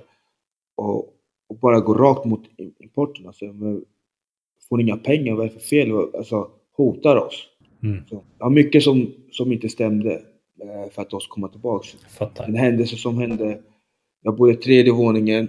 Sista dagen innan min flyg åker så de låser in mig utifrån. Tar bort all internet, stäcker av ljus. Så att jag inte kan komma till banken för att ta ut i tid. För det är en lördag. Banken stänger en viss tid. Ja. För att ta ut mina, de har lovat mig att jag ska få mina pengar. Oh. Så jag klättrar ju ner. Det är andra gången jag får klättra ner från, från balkongen. Ja. för att komma, försöka hinna till banken. När jag kommer till banken, de har inte satt in pengarna. Eh, hade de inte gjort. Och samma sak hade det hänt mig och vissa andra spelare, att de hade stängt av vattnet eller på natten, eller stängt av, eh, låst in oss så att vi, vi skulle komma för sent till träningen, eller inte komma till träningen alls för att kunna bli, eh, få fines. Liksom. Ja. Men vi visste ju själva hur vi gjorde. Vi gjorde en timme innan träningen så samlades vi i ett café så att vi gick alltid tillsammans. Mm. Vi höll alltid ihop. Mm. Men det var svårt efter, efter säsongen för att vissa, vissa var tvungna att åka hem. Vissa hade familjeärenden, vissa Ja. hade sjukdomar som de, Så då, var det bara jag och en annan spelare kvar som väntade på sista lön. De andra sa, men de trodde på dem, men skick, skicka vår lön. Men jag har fortfarande inte fått de pengarna, kan jag säga det. Nej. Okej. Och jag, jag skulle inte heller vilja åka dit. Nej, jag fattar. Nej, det låter inte som någon höjdare, höjdarställe. Ni vann eh, titeln det här året, eller? Vi vann titeln, eh, vi vann Balkan League också. Eh, Jaha. ja, vi vann Balkan League, vi vann titeln. Eh, när vi kommer hem från, eh, för vi vann ju borta, borta femte avgörande vann vi borta tror jag. Men den här Balkan League, vilka lag var- fanns med där då? Det var bulgariska lagen, det var bulgariska lag, det var... Eh, jag kommer ihåg att vi spelade mot eh, Mornar, eh, makedonska, montenegranska lag, eh, något kroatiskt lag. Det, är- det är bara Balkan. Då kom vi, när vi kom hem, vi hade åkt buss i i 11-12 timmar, kom på kvällen där, så var hela stan och mötte oss. Det var en fantastisk upplevelse. Några dagar innan hade de bara skällt ut oss. Ja. Ja, skällt ut oss. Mm. Men du, efter Kosovo så hamnade du ju återigen i Södertälje. Ja. Eh, hur såg dina alternativ ut och vad var det som gjorde att det blev Kings ännu en gång? Eh, min alternativ var att jag höll på att skriva, höll på att skriva på i Bosnien. Ah, Men i och med min skada som jag fick året innan. Jag hade inte läkt för jag hade spelat med landslaget under sommaren. Jag var, jag var ju aktiv hela sommaren. Så jag fick aldrig läka ordentligt. Men jag hade pratat med Vedran under hela sommaren liksom om ah, det kanske blir att jag stannar i Sverige. Ja. Och Södertälje har alltid varit en trygg, fast tryggpunkt för mig. Jag har alltid sagt att jag vill inte spela för en annan klubb i Sverige om inte det är för Södertälje. Mm. Men i, slut, i slutändan så, så höll jag på att åka ändå till Bosnien. Men jag tänkte, du, jag, har, jag har ju en re- reputation ute i Europa. Jag vill inte förstöra den. Eh, Sverige är alltid hemma. Så jag kan stanna kvar ett år och försöka vinna ytterligare en SM-guld. Men eh, jag tror att ligan och alla hade en annan, annan idé om att Vedran, Bosnien skulle vinna sin sjätte SM-guld i rad. Mm. För det var, inte, det var ingen lätt, eh, det var ingen lätt resa kan jag säga det, för oss. Vi fick, bara att komma till final så fick vi, vi fick kämpa otroligt mycket med det laget vi hade som, jag kan inte säga men jag tror vi, jag tror vi var värda vinnare. Jag tror vi bevisade att vi var, vi var värda vinnare men det känns som att vi inte spela basket eh, då. ja. Eh, Så det var, det, det var den erfarenheten. Ja, eh, inför det här avsnittet har vi ju som sagt pratat med lite folk som känner dig och bland annat så har vi pratat med Dino Pita. Och eh, han är verkligen en som hyllar din starka arbetsmoral och att du aldrig varit rädd för att lägga ner de där extra timmarna i hallen för att förbättra ditt spel och din fysik. Wow, ja. Och han, han sa även att en, en annan av dina främsta styrkor är att du är väldigt osjälvisk på planen, precis som Jonas också sa, och att du alltid försöker hitta den bästa passningen istället för att skjuta bollen själv. Och han hälsar också att du är en otroligt grym försvarsspelare och en allmänt bra person. Ja, men det uppskattar jag. Alltså jag lärde känna Dino via min bror. Så när min bror kom till Södertälje, eh, Dino Pita var deras så här, stjärna. Så jag har alltid haft kontakt med Dino och vi, vi, är vänner, vi är vänner än, än idag. Det är väldigt smickrande ord Dino har och att säga. Mm. Han berättade också hur man överlistar dig när man möter dig. Men det tänkte jag, det tänker jag inte berätta för lyssnarna. Det, får, det kan jag berätta för dig sen. Ja, det kan jag göra. Jag vill, jag vill gärna... Man vill inte avslöja sådana här affärshemligheter. Nej, det får han göra. Det får jag försöka göra. Ja, det är i alla fall hans Det är hans. Sen- Okej. Att, börja, Ja. försöka göra mig bli irriterad. Han kan Ja. berätta sen. Men eh, du, spel, du spelade i Tälje en säsong och eh, sen bär av utomlands igen. Och du spelade i både Polen och schweiziska ligan under 2017 och 2018. Ja. Hur kommer det sig att du spelade i två eh, lag under den tiden? Uh, jag hade precis spelat uh, EM-kval i Uppsala. Där Mm. Boat Ride och Armenien ehm, och Slovakien. Mitt ex eh, blev gravid och med min son då. Vi, hade sagt att jag, jag bestämde att jag kommer åka utomlands. Jag, jag tror att jag har lite krafter kvar för att åka utomlands. Och jag, jag har alltid känt som att mitt basket tillhör inte svensk basket, alltså i ligan. Mm. Jag spelade för året, eh, året innan och aldrig, även som svensk spelare, så har jag aldrig fått så här, ja men du är bra. Liksom. För jag har inte spelstilen de vill att jag ska ha. De vill att jag ska skjuta hela tiden. Så jag känner att det är dags för mig att komma ut igen. Nu är jag lite mer frisk jag ska försöka ta tag i det och se vad jag kan signa. Så håller jag på att skriva på i Frankrike, Pro A i Frankrike. Hela tiden, det var, hela tiden var nära. Vi pratade i två veckor precis under EM-kvalen, sista dagen. Jag hade vunnit det och på middagen så, så var det nästan klart att jag skulle till Frankrike. Så jag, min inställning var att jag, jag kommer åka utomlands. Två dagar senare så skrev de på en, en annan spelare eh, och då satt man där utan jobb. Och jag hade redan sagt att jag kommer inte komma tillbaks eh, till Sverige. Jag vill ut. Jag hade bestämt mig det. Mitt ex och jag, vi hade godkänt, eh, jag har fått godkännandet. Det är det vi vill göra. Men Frankrike hade varit bäst för oss, för, för min son då. Mm. Men det blev inte så eh, på grund av att jag fick två erbjudanden i, i, i Polen. Eh, Dąbrowa Grunice som jag skrev på och eh, jag tror det var Boll... Jag vet, ex, jag vet exakt vilket, det var ett Fiba, Fiba Eurocup-lag. Men problemet var att eh, det laget som jag, som jag egentligen ville till, de, de skrev deras kontrakt, jag fick inte åka hem för, för min sons Mhm. födelsedag. Om det var så att han föddes lite tidigt eller för det var räknat att han skulle födas lite tidigare. Eller lite senare än vad han gjorde.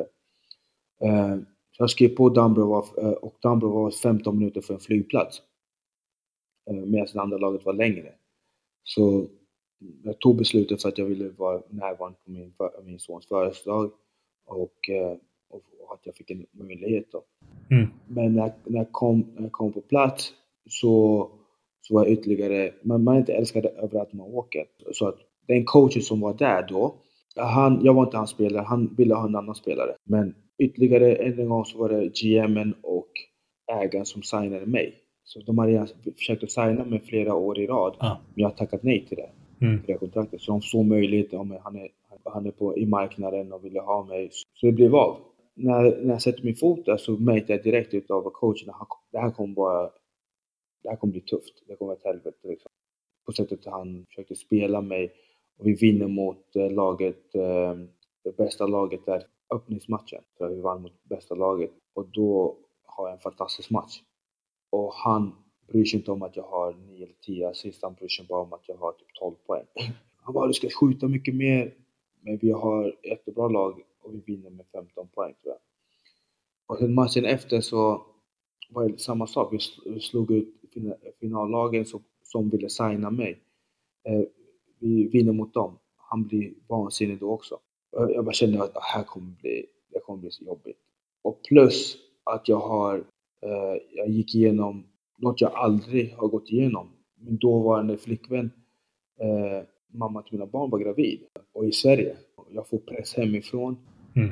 Att du är i Polen, jag är här.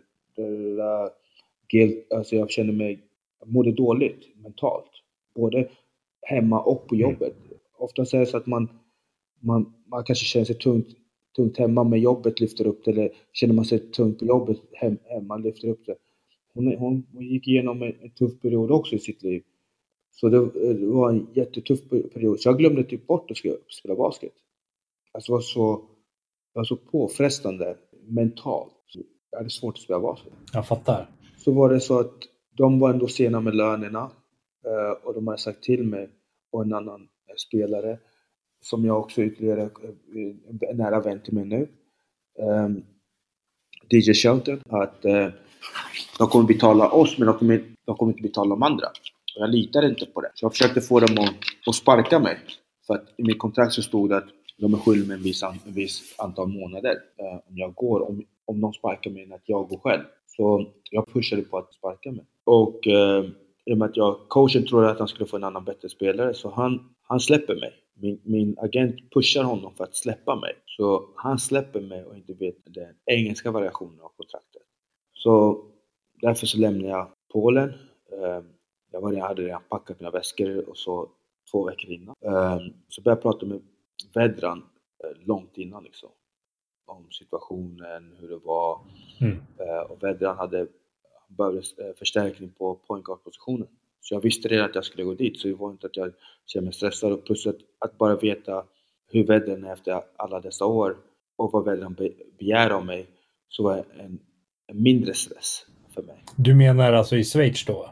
Ja, i Schweiz. Eh, Så vi spelade i landslaget och sen åkte jag åkte till Min son föddes tjo- eh, 22 november. Mm. Två dagar innan landslaget. Jag hade kommit överens med ex, mamma till mina barn, att jag skulle spela. Om min son kom två dagar innan så skulle vi spela.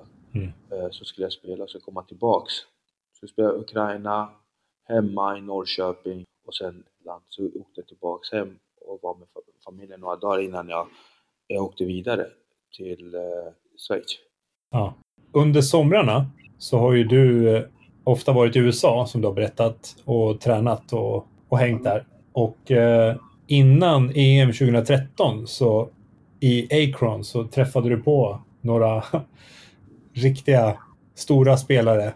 Vet du vilka jag pratar om? Ja, alltså LeBron, ehm, LeBron James, ja. LeBron är för Akron och ehm, coach Danbra coachade honom i high school. Och ehm, det var där Charles, Charles var assisterande coach för, för, vad heter det, för dem. Och ehm, när jag var där på so- somrarna så fick jag, så fick jag möjlighet att, att få träna extra. ja. Under en viss period där man inte får träna med proffs och, och så. Så att folk ska veta om det. Men eh, eh, när jag var där så, så fick jag lära känna eh, och träna med eh, LeBron, jag fick träna med eh, Romeo, eh, alla LeBrons vänner också. Så, Som var med i den här filmen, va? ja, typ alla som i proffs var, var ju med. Plus att det var ju andra, andra killar. Vad är det filmen heter nu igen? eh, More than a game heter den. More than a game, ja just precis. Ehm, det är alla som, eh, som tränar med dem, som, som spelar där, som var proffs då. Ehm, plus andra kom in och, och, och spelade och tränade. Och kunde ha, uh, Mello kunde komma in i hallen någon dag, eh, bara hänga. Ja. Eh, och sen var det ju de från Cleveland var ju där. Men sen har jag fått också chansen att träna med Detroit Pistons eh, när, när Jonas var med Detroit Ja. fick jag, för jag var ju hälsade på Jonas och vi, då hade vi workout eh, innan tillsammans då, Mm. med Detroit-spelarna. Eh, Stucky, jag hade Greg Monroe, Ben Wallace var, var i hallen, Rasheed Wallace var i hallen, eh, Teshaun Prince, eh, det var när han spelade med Rip Hamilton tror jag. Jag har fått träffa dem också. Ja, ja, häftigt. Men du, när du spelade med LeBron då, vad heter det? Jag, jag läste någon intervju med dig kring det här och eh, i Aftonbladet tror jag det var, där det stod att du inte hade någon, med någon kamera typ, utan det enda du tog, hade bild på från den resan var typ en bild på din brorsa. Att du såhär, ah, whatever typ. Nej, man lever ju i the moment. Alltså jag har alltid haft den här... Eh, jag har inte aldrig nästan varit starstruck. Jag har alltid acknowledged people. Eh, för man har spelat med så många, många spelare. Men LeBron är helt, han är helt annan universe ändå. Så här, det blev ju daglig grej. LeBron är där och tränar. Han, han står och skjuter 300 skott. Okej? Och du står och skjuter eh, andra halvan Ja, du sätter din, skott. Så det var aldrig någonting som jag sa, ah, men här måste jag dokumentera. nej. Jag har aldrig tänkt på det. Hade du velat ha det nu om du hade haft, om du hade kunnat backa bandet liksom? Bara något minne? Mm, nej. Det är, det är mina minnen. Det är samma, det är samma sak som jag inte dokumenterat eh, alla gånger jag har varit på i, i Detroits facility eh, och tränat med dem och, Nej, såklart. och tagit bilder på, eh, på, dem. Liksom. Det är också legender. Absolut. Helt klart. Det är, det är, för mig är det inte... Det är jag, min upplevelse är för mig. Och jag kommer inte heller gå och skryta om. Jag har aldrig varit någon person som går och skryter om det här har jag varit med, det här... Det, det har aldrig, det har aldrig hänt. Nej, Nej jag, jag bara tycker det är sjukt häftigt att få ha tränat med honom. Ja. Det är sjukt cool grej. Ja. Du har ju spelat i princip med alla spelare som har kommit och gått genom åren och liksom, du har ju aldrig tackat nej till landslaget. Nej. Vad är det som gör att du liksom tycker det är så roligt att representera Sverige? Ehm, först och främst, det är väldigt få spelare som får rep- representera Sverige. Det är få sp- spelare i världen som ens får göra det vi, det vi får göra. Och det är en, eh, det är en ära att representera sitt land. Och eh, att oavsett om jag är inte accepterad eller accepterad som svensk, jag är svensk, jag är svensk medborgare, jag har bara ett pass just nu. Mm. Och eh, att få bära ett landslagslinne, oavsett minuter, hur den går.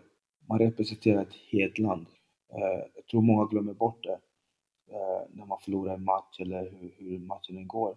Att vi är 12 spelare eh, kanske 13-14 som är med i den här spelartruppen för just den här turneringen. Man får aldrig tillbaks de grejerna.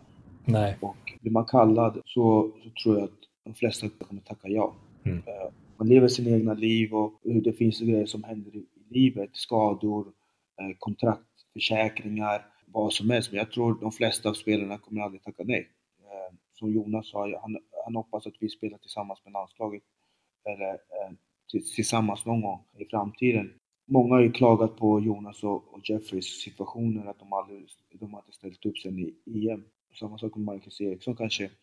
Men deras grej är en annan. De har inte fått. Klubben inte accepterat. Precis. De, är i en annan, annan situation. Jag tror de skulle säkert suttit i samma sits som mig om inte de spelade i Euroleague Ja. eller NBA. Att de aldrig tackat nej för landslaget. Så Jag pratade lite med Gerke om det här och han sa det att eh, du är typ, eh, ja kanske, det kanske finns två spelare som har haft en sån lång karriär i landslaget och det är typ du och Jocke Kjellbom liksom som har boom, boom. haft en så ut, utbredd karriär liksom. Det är fan 15 år under tre olika decennier. Det är så här, ja det är knappt så det går att ta på liksom. Nej, men jag tror inte, du vet, jag, jag är, i, i min karriär just nu så har jag bestämt mig att jag aldrig ska kolla, jag ska inte tänka bakåt, jag ska inte tänka på hur många titlar jag har vunnit, hur många landskamper jag har varit med och spelat. Den grejen gör jag när jag är klar. Men när Bom Bom fick sin utmärkelse, eh, att han var med i landslaget så pass länge, jag, jag, jag fick en känsla av att wow, du vet, Bom Bom har varit med länge Ja. och jag fortfarande är aktiv. Jag fick en wake-up call eh, som jag inte haft tidigare. Eh, vet att man, man tänker inte på Folk brukar fråga hur många titlar har vunnit? Jag bara, jag vet inte. Jag har inte, jag har inte ens koll. Just nu, jag, jag vill inte ens gå för jag, jag strävar för att få en till Mm. eh, titel varje år. Ehm, men när, som sagt, när, förra året när Bom fick sin och sa att han, han är klar med landslaget. Och då kände man så här, nu är jag ensam. Mm. Nu är man ensam. Nu, nu, är, jag, nu är jag pappa. Mm. Jag, jag har kunnat gå bakom honom, men jag är co-parent. Alltså, Mm. Förstår du? Ja. Nu, är man, nu är man pappa i landslaget. Det- Man känner, det, känns, det kändes riktigt eh, djupt då. Ja. Vad har du liksom för matcher och liksom turneringar som ligger dig varmast om hjärtat när det kommer till just landslaget? Min första turnering är alltid viktig, eh, speciell för mig. Mm. Första, den här, den här vinterturneringen som jag sa till dig när jag var rookie, min första, första, första.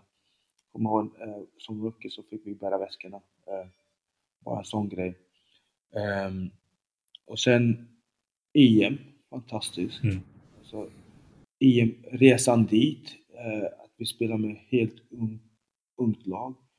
Eh, Gaddefors, eh, Viktor Gaddefors och Anton Gaddefors. Anton Gaddefors bär oss eh, när det kommer Mm. till poängen. Anton Gaddefors, han var hel och spelade i, i Serbien. Bar oss i poäng. Eh, vi hade ett fruktansvärt ungt lag med Brad Dean som trodde på oss. Ung, båda eh, bröderna Pers, eh, Persson. Mm. Ung eh, Eric Rush. Eh, direkt från college. Nej, den resan till EM och EM-resan stod mig som varmast. Och sen också vad vi har gjort, vi gjorde efter med Vedran Bosnic. Ja. Ehm, med, alltså trupperna vi hade, folk får kalla det vad de vill, att det, man var tvungen att gå igenom Södertälje, bla bla bla. Men vi spelade jämt med, mot fruktansvärt bra lag, världslag. Mm. Oavsett om det var förlust eller vinst, vi visade, vi visade att Sverige har, har plats i basket. Mm. Eh, Efter Schweiz eh, så vände ju du hem till Sverige igen och den här gången så blir det Luleå där lillebrorsan Bryce spelade. Och eh, hur var det liksom att få spela med han? Måste säga, största anledningen var ju min lillebrorsa. Jag hade spelat med min storebror Darley i 08 Stockholm. Ja. Human Rights. Och jag tror inte många får chansen att göra det efter en sån lång karriär som jag har haft. Att jag får spela med min lillebrorsa. Jag, jag gjorde också för att jag ville, jag ville vara nära, närmare min familj. Eh, jag har inte fått vara nära min familj de senaste, den senaste tiden. Då, och plus att min son var född. Jag ville vara, jag ville vara tillgänglig för, för min son. Du, mina barn är det viktigaste som finns. Ja. Um, alltid älskat barn och, och när, när min min bror och Eddie, Edvardo eh, från Luleå började rekrytera mig, då var det, det, var nästan det var nästan ett enkelt val. Att jag inte skulle åka tillbaka till Schweiz. Jag höll, höll på att prata med dem hela sommaren. Mm. Men i augusti så bör, började vi gå lite skilda vägar, eh, olika vägar på grund av att jag ville vara med min familj och, och, också mina, mitt, mitt barn, liksom, min, min son. Och jag visste att vi, eh, mitt ex var gravid igen med eh, dotter. Då. Så det bästa var att vara hemma i Sverige och försöka vara så nära som möjligt familjen och försöka fixa ihop så att man kunde, vi kunde bo tillsammans Mm. eh, allihopa under samma tak. Eh, Så det var det, det, det viktigaste för mig. Jag, och sen att de sa att de ville spela på ett annat sätt än vad de har gjort tidigare. Eh, Men när den då signade så spelade vi som de hade gjort tidigare ändå. Men det, det är en annan, det det är historia, det är en, det är en historia bakom det. Jag uppskattar den tiden jag hade uppe i Luleå. Jag vad heter det, fick en ny faderfigur uppe i Luleå. En man som man aldrig, som många i svensk basket vet om, men jag fick verkligen lära känna honom. En fantastisk person, Ed, Edvardo, eh, som jobbar med Luleå. Ehm, otrolig, otroligt fantastisk person. Ehm, man med hjärtat på, på rätt ställe. Oavsett vad han har gått igenom eh, i sitt liv så sätter han alltid alla framför honom. Och det, han och hans fru, de sätter alla framför för eh, Det var fantastiskt för mig att se på grund av att jag är en sån person som Edvardo, att jag bryr mig för mycket, lite, lite för mycket om, om alla andra. Och med den åldern som Eddie har, eh, är i, han är alltid positiv och alltid ställer upp och det, det finns inga bekymmer. Men killen har, varit, killen har varit med så mycket i sitt liv att han ens kan vara så positiv och vara där för alla. Det, det är bara wow, jag, jag har inga, inga ord. ja, jag fattar. Eh, Du stannar kvar sen i Sverige, men du byter ut Luleå mot Jämtland. Och där återförenas du med Torbjörn Gerke. Hur, ja, vad, vad har du för med någonting att berätta om tiden i Jämtland? Hela processen var, annorl- det var en annorlunda process för mig det här året. För att nu har jag, jag har ju spelat dubbla säsonger Mm. hela tiden. Och jag, var, jag spelade i, vi var i, i Tyskland och spelade med landslaget i början av augusti. Så jag funderade på, jag, jag vill åka utomlands, jag vill, jag vill göra det här, jag vill göra det här. Men efter matchen i, i Tyskland så kom jag hem. Jag skulle leka med min son. Och jag har inte fått köra rehab ordentligt med min, med min skada. Så jag var, jag kunde inte gå upp. Jag, jag, bara, jag hade problem att att ställa mig upp och leka med min son. Då kände jag, vet du vad, nu måste du, du måste sätta ner dig. Du kanske måste lägga ner i några månader från att spela basket. Så jag, jag la av. Jag la, bestämde mig, jag ska inte spela basket. Eh, för min skada. Ja. Det är inte så många som vet om det. Men under den sommaren så hade jag, jag och min, mitt ex separerade precis efter min, min, min dotter föddes. Mm. Och eh, under tiden min dotter föddes spelade jag matcher. Hon föddes tre och en halv månad för tidigt. Och jag pendlade mellan Umeå och Luleå. Eh, så jag fick aldrig träna, eh, köra rehab och så. Jag fick aldrig göra något, eh, träna upp min kropp. Och sen när det väl eh, var så att efter säsongen så pendlade jag mellan Stockholm och Strömstad för mina barn bodde där med mitt ex. Så, och jag kunde inte lämna landet heller på grund av att jag var, jag var, om jag ska vara ärlig, jag var i vårdnadstvist. Och jag ville inte lämna mina barn bara sådär. Eh, lämna barnen så förlorade jag kanske vårdnadstvisten. Jag visste inte vad, som, som pappa så vet vi inte vad våra rättigheter egentligen är förrän vi är i, i domstol och vi har fått advokat och vi, vi går igenom vad det är vi går igenom. Ehm, så jag, jag vägrade lämna landet egentligen för att åka utomlands ehm, utan att veta vad, vad jag har för rätt för mina barn. Mm. Så jag valde att stanna kvar. Jag fick kontrakt inför Kroatien. Eh, Jag pratade med eh, belgiska lag och kroatiska lag. Men eh, jag valde att stanna kvar för mina barn och när jag, pratade, när jag signade kontraktet för Jämtland eh, så signade jag för att hjälpa Gerke. Mm. Det var en tuff början av säsongen var väldigt tuff. Det var en skade, väldigt skaderik säsong liksom. Ehm, och Gerke är en person som har alltid, alltid trott på mig. Mot alla odds. Vet, jag är med landslaget. De bara, men vi, vi måste gå vidare från Thomas. Um, Thomas är inte, han är inte kapabel att leda landslaget. Gerke har alltid stått upp för mig. Jag kommer ihåg när jag skulle spela, jag kom upp i ligan. Folk sa, du kan ju inte ha en svensk point guard mot amerikanska point guards. Ehm, um, Gerke stod upp för mig.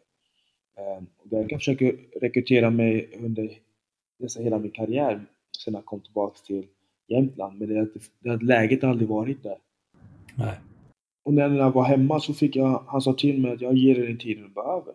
Vi behöver hjälp nu. Så vi åkte dit och gjorde det jag skulle göra i början. Eh, men jag förlorade matchen mot Luleå på grund av att jag inte rört en basketboll på två månader. Liksom. Och hade fyra matcher på två veckor. Så jag var helt slut. Eh, så förlorade jag så sa jag att klubben är intresserad att jag stannar kvar. Jag känner att tryggheten hos Gerke, jag känner Gerke sedan tidigare. Jag känner hans fru, jag känner, jag bodde hos Gerke när jag var yngre. Många, många vet inte om det. Men när jag hade som värst i mitt liv så bodde jag hos eh, familjen Gerke. De tog hand om mig. De, de öppnade sina dörrar utan, utan att fråga varför.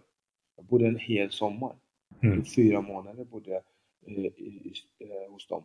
Så för mig var det bara att ge tillbaks och inte tänka på, tänka på det. Liksom. Det handlar inte om lön, det handlar inte om någonting annat än it was time, time for me to pay back. Och jag älskade alla sekunder som jag var spelare för Jämtland och Gerke. Mm. Vad heter det? Nu är du ute i, tillbaka i Europa här en ytterligare vända och den här gången så är det Bryssel. Hur ser vardagen ut för Thomas Massamba i nuläget? Förutom att vi har curfew mellan 10 och 10 och 5 så det är jag, jag tycker om att vara utomlands. Ehm, jag gillar ligor där det är stora spelare, där min pick and roll kommer, kommer in, kommer till ljus och min basket IQ kommer till ljus. Vi spelar helt annan, vi spelar en helt annan basket och basketfilosofin i Sverige är annorlunda. Vi spelar mer som, i Sverige spelar vi som NBA. Vi vill run and gun, vi vill eh, höga poäng, mm. så högt som möjligt liksom. Vi vill ha upp till 100 poäng en, en person som mig, jag är van att spela lite mer, jag ska inte säga taktiskt spel, men jag är van att spela mer ry rytmiskt spel. Inte bara springa. För det är den basketen jag har sett svensk basket erbjuda. Det, det ska vara show, mm. det ska vara springa och skjuta massa treor. Och det säljer i Sverige. För det närmaste vi har som vi kollar på det, det är NBA. Vi riktar oss inte på, på Euroleague, Eurocup. Det är få lag som spelar de ligorna är intresserade av det här systemet och tankesättet. Eh, det finns ju, det är coolare att läsa en bok från Phil Jackson som är NBA-coach än att läsa mm. en bok från Bradovic på svenskar. Så, men det, om du tänker att det mesta, mestadels av min, min karriär har jag spelat nästan utomlands. Om inte landslag, så det är det jag är van vid. Det känns, det känns skönt att vara ute och också känns det skönt att göra historia. Jag är, jag är 35 år och får spela ute. Det är häftigt alltså. Uh, hur, hur länge till planerar du att spela då? Wow! Um, vissa vet och många, många vet inte. Jag har ju redan startat. Jag har några företag hemma i Sverige som jag den dagen jag vill jag lägger ner så vill jag ha någonting att falla tillbaks på lite grann. Jag kan jobba med andra grejer också. Jag vill vara, jag vill vara kvar i basketen på ett eller annat sätt. Just nu så känns kroppen bättre än vad jag gjort på fyra år. Jag kan springa normalt, jag kan gå normalt, jag har inte ont. Jag är inte kanske lika äh, spänstig, men jag, jag har jobbat med min explosivitet otroligt mycket den här sommaren tack vare Corona. Så att jag fick sex månader, sex, sju månader bara för att jobba med mig, mig själv. Så jag tror jag har hållit mig frisk två, två, två, tre bra år och sen får jag se vad jag gör. Jag vill också lägga av när jag vill själv lägga av. Jag vill inte att någon annan ska säga till mig när jag lägger av. Jag fattar. Så den dagen du är ready för att ta över Sverige med ditt företag, då är det dags liksom. det låter som mitt, mitt företag heter Ready. ja, jag vet. Det var därför jag sa det. ja. uh, men uh, den dagen jag är ready för att lägga ner, lägga ner så, så kommer jag tacka basketen för det, vad den har gjort för mig. Jag tror att basketen har tagit mig platser jag någonsin, aldrig någonsin tänkte att jag skulle sätta min fot, fot på.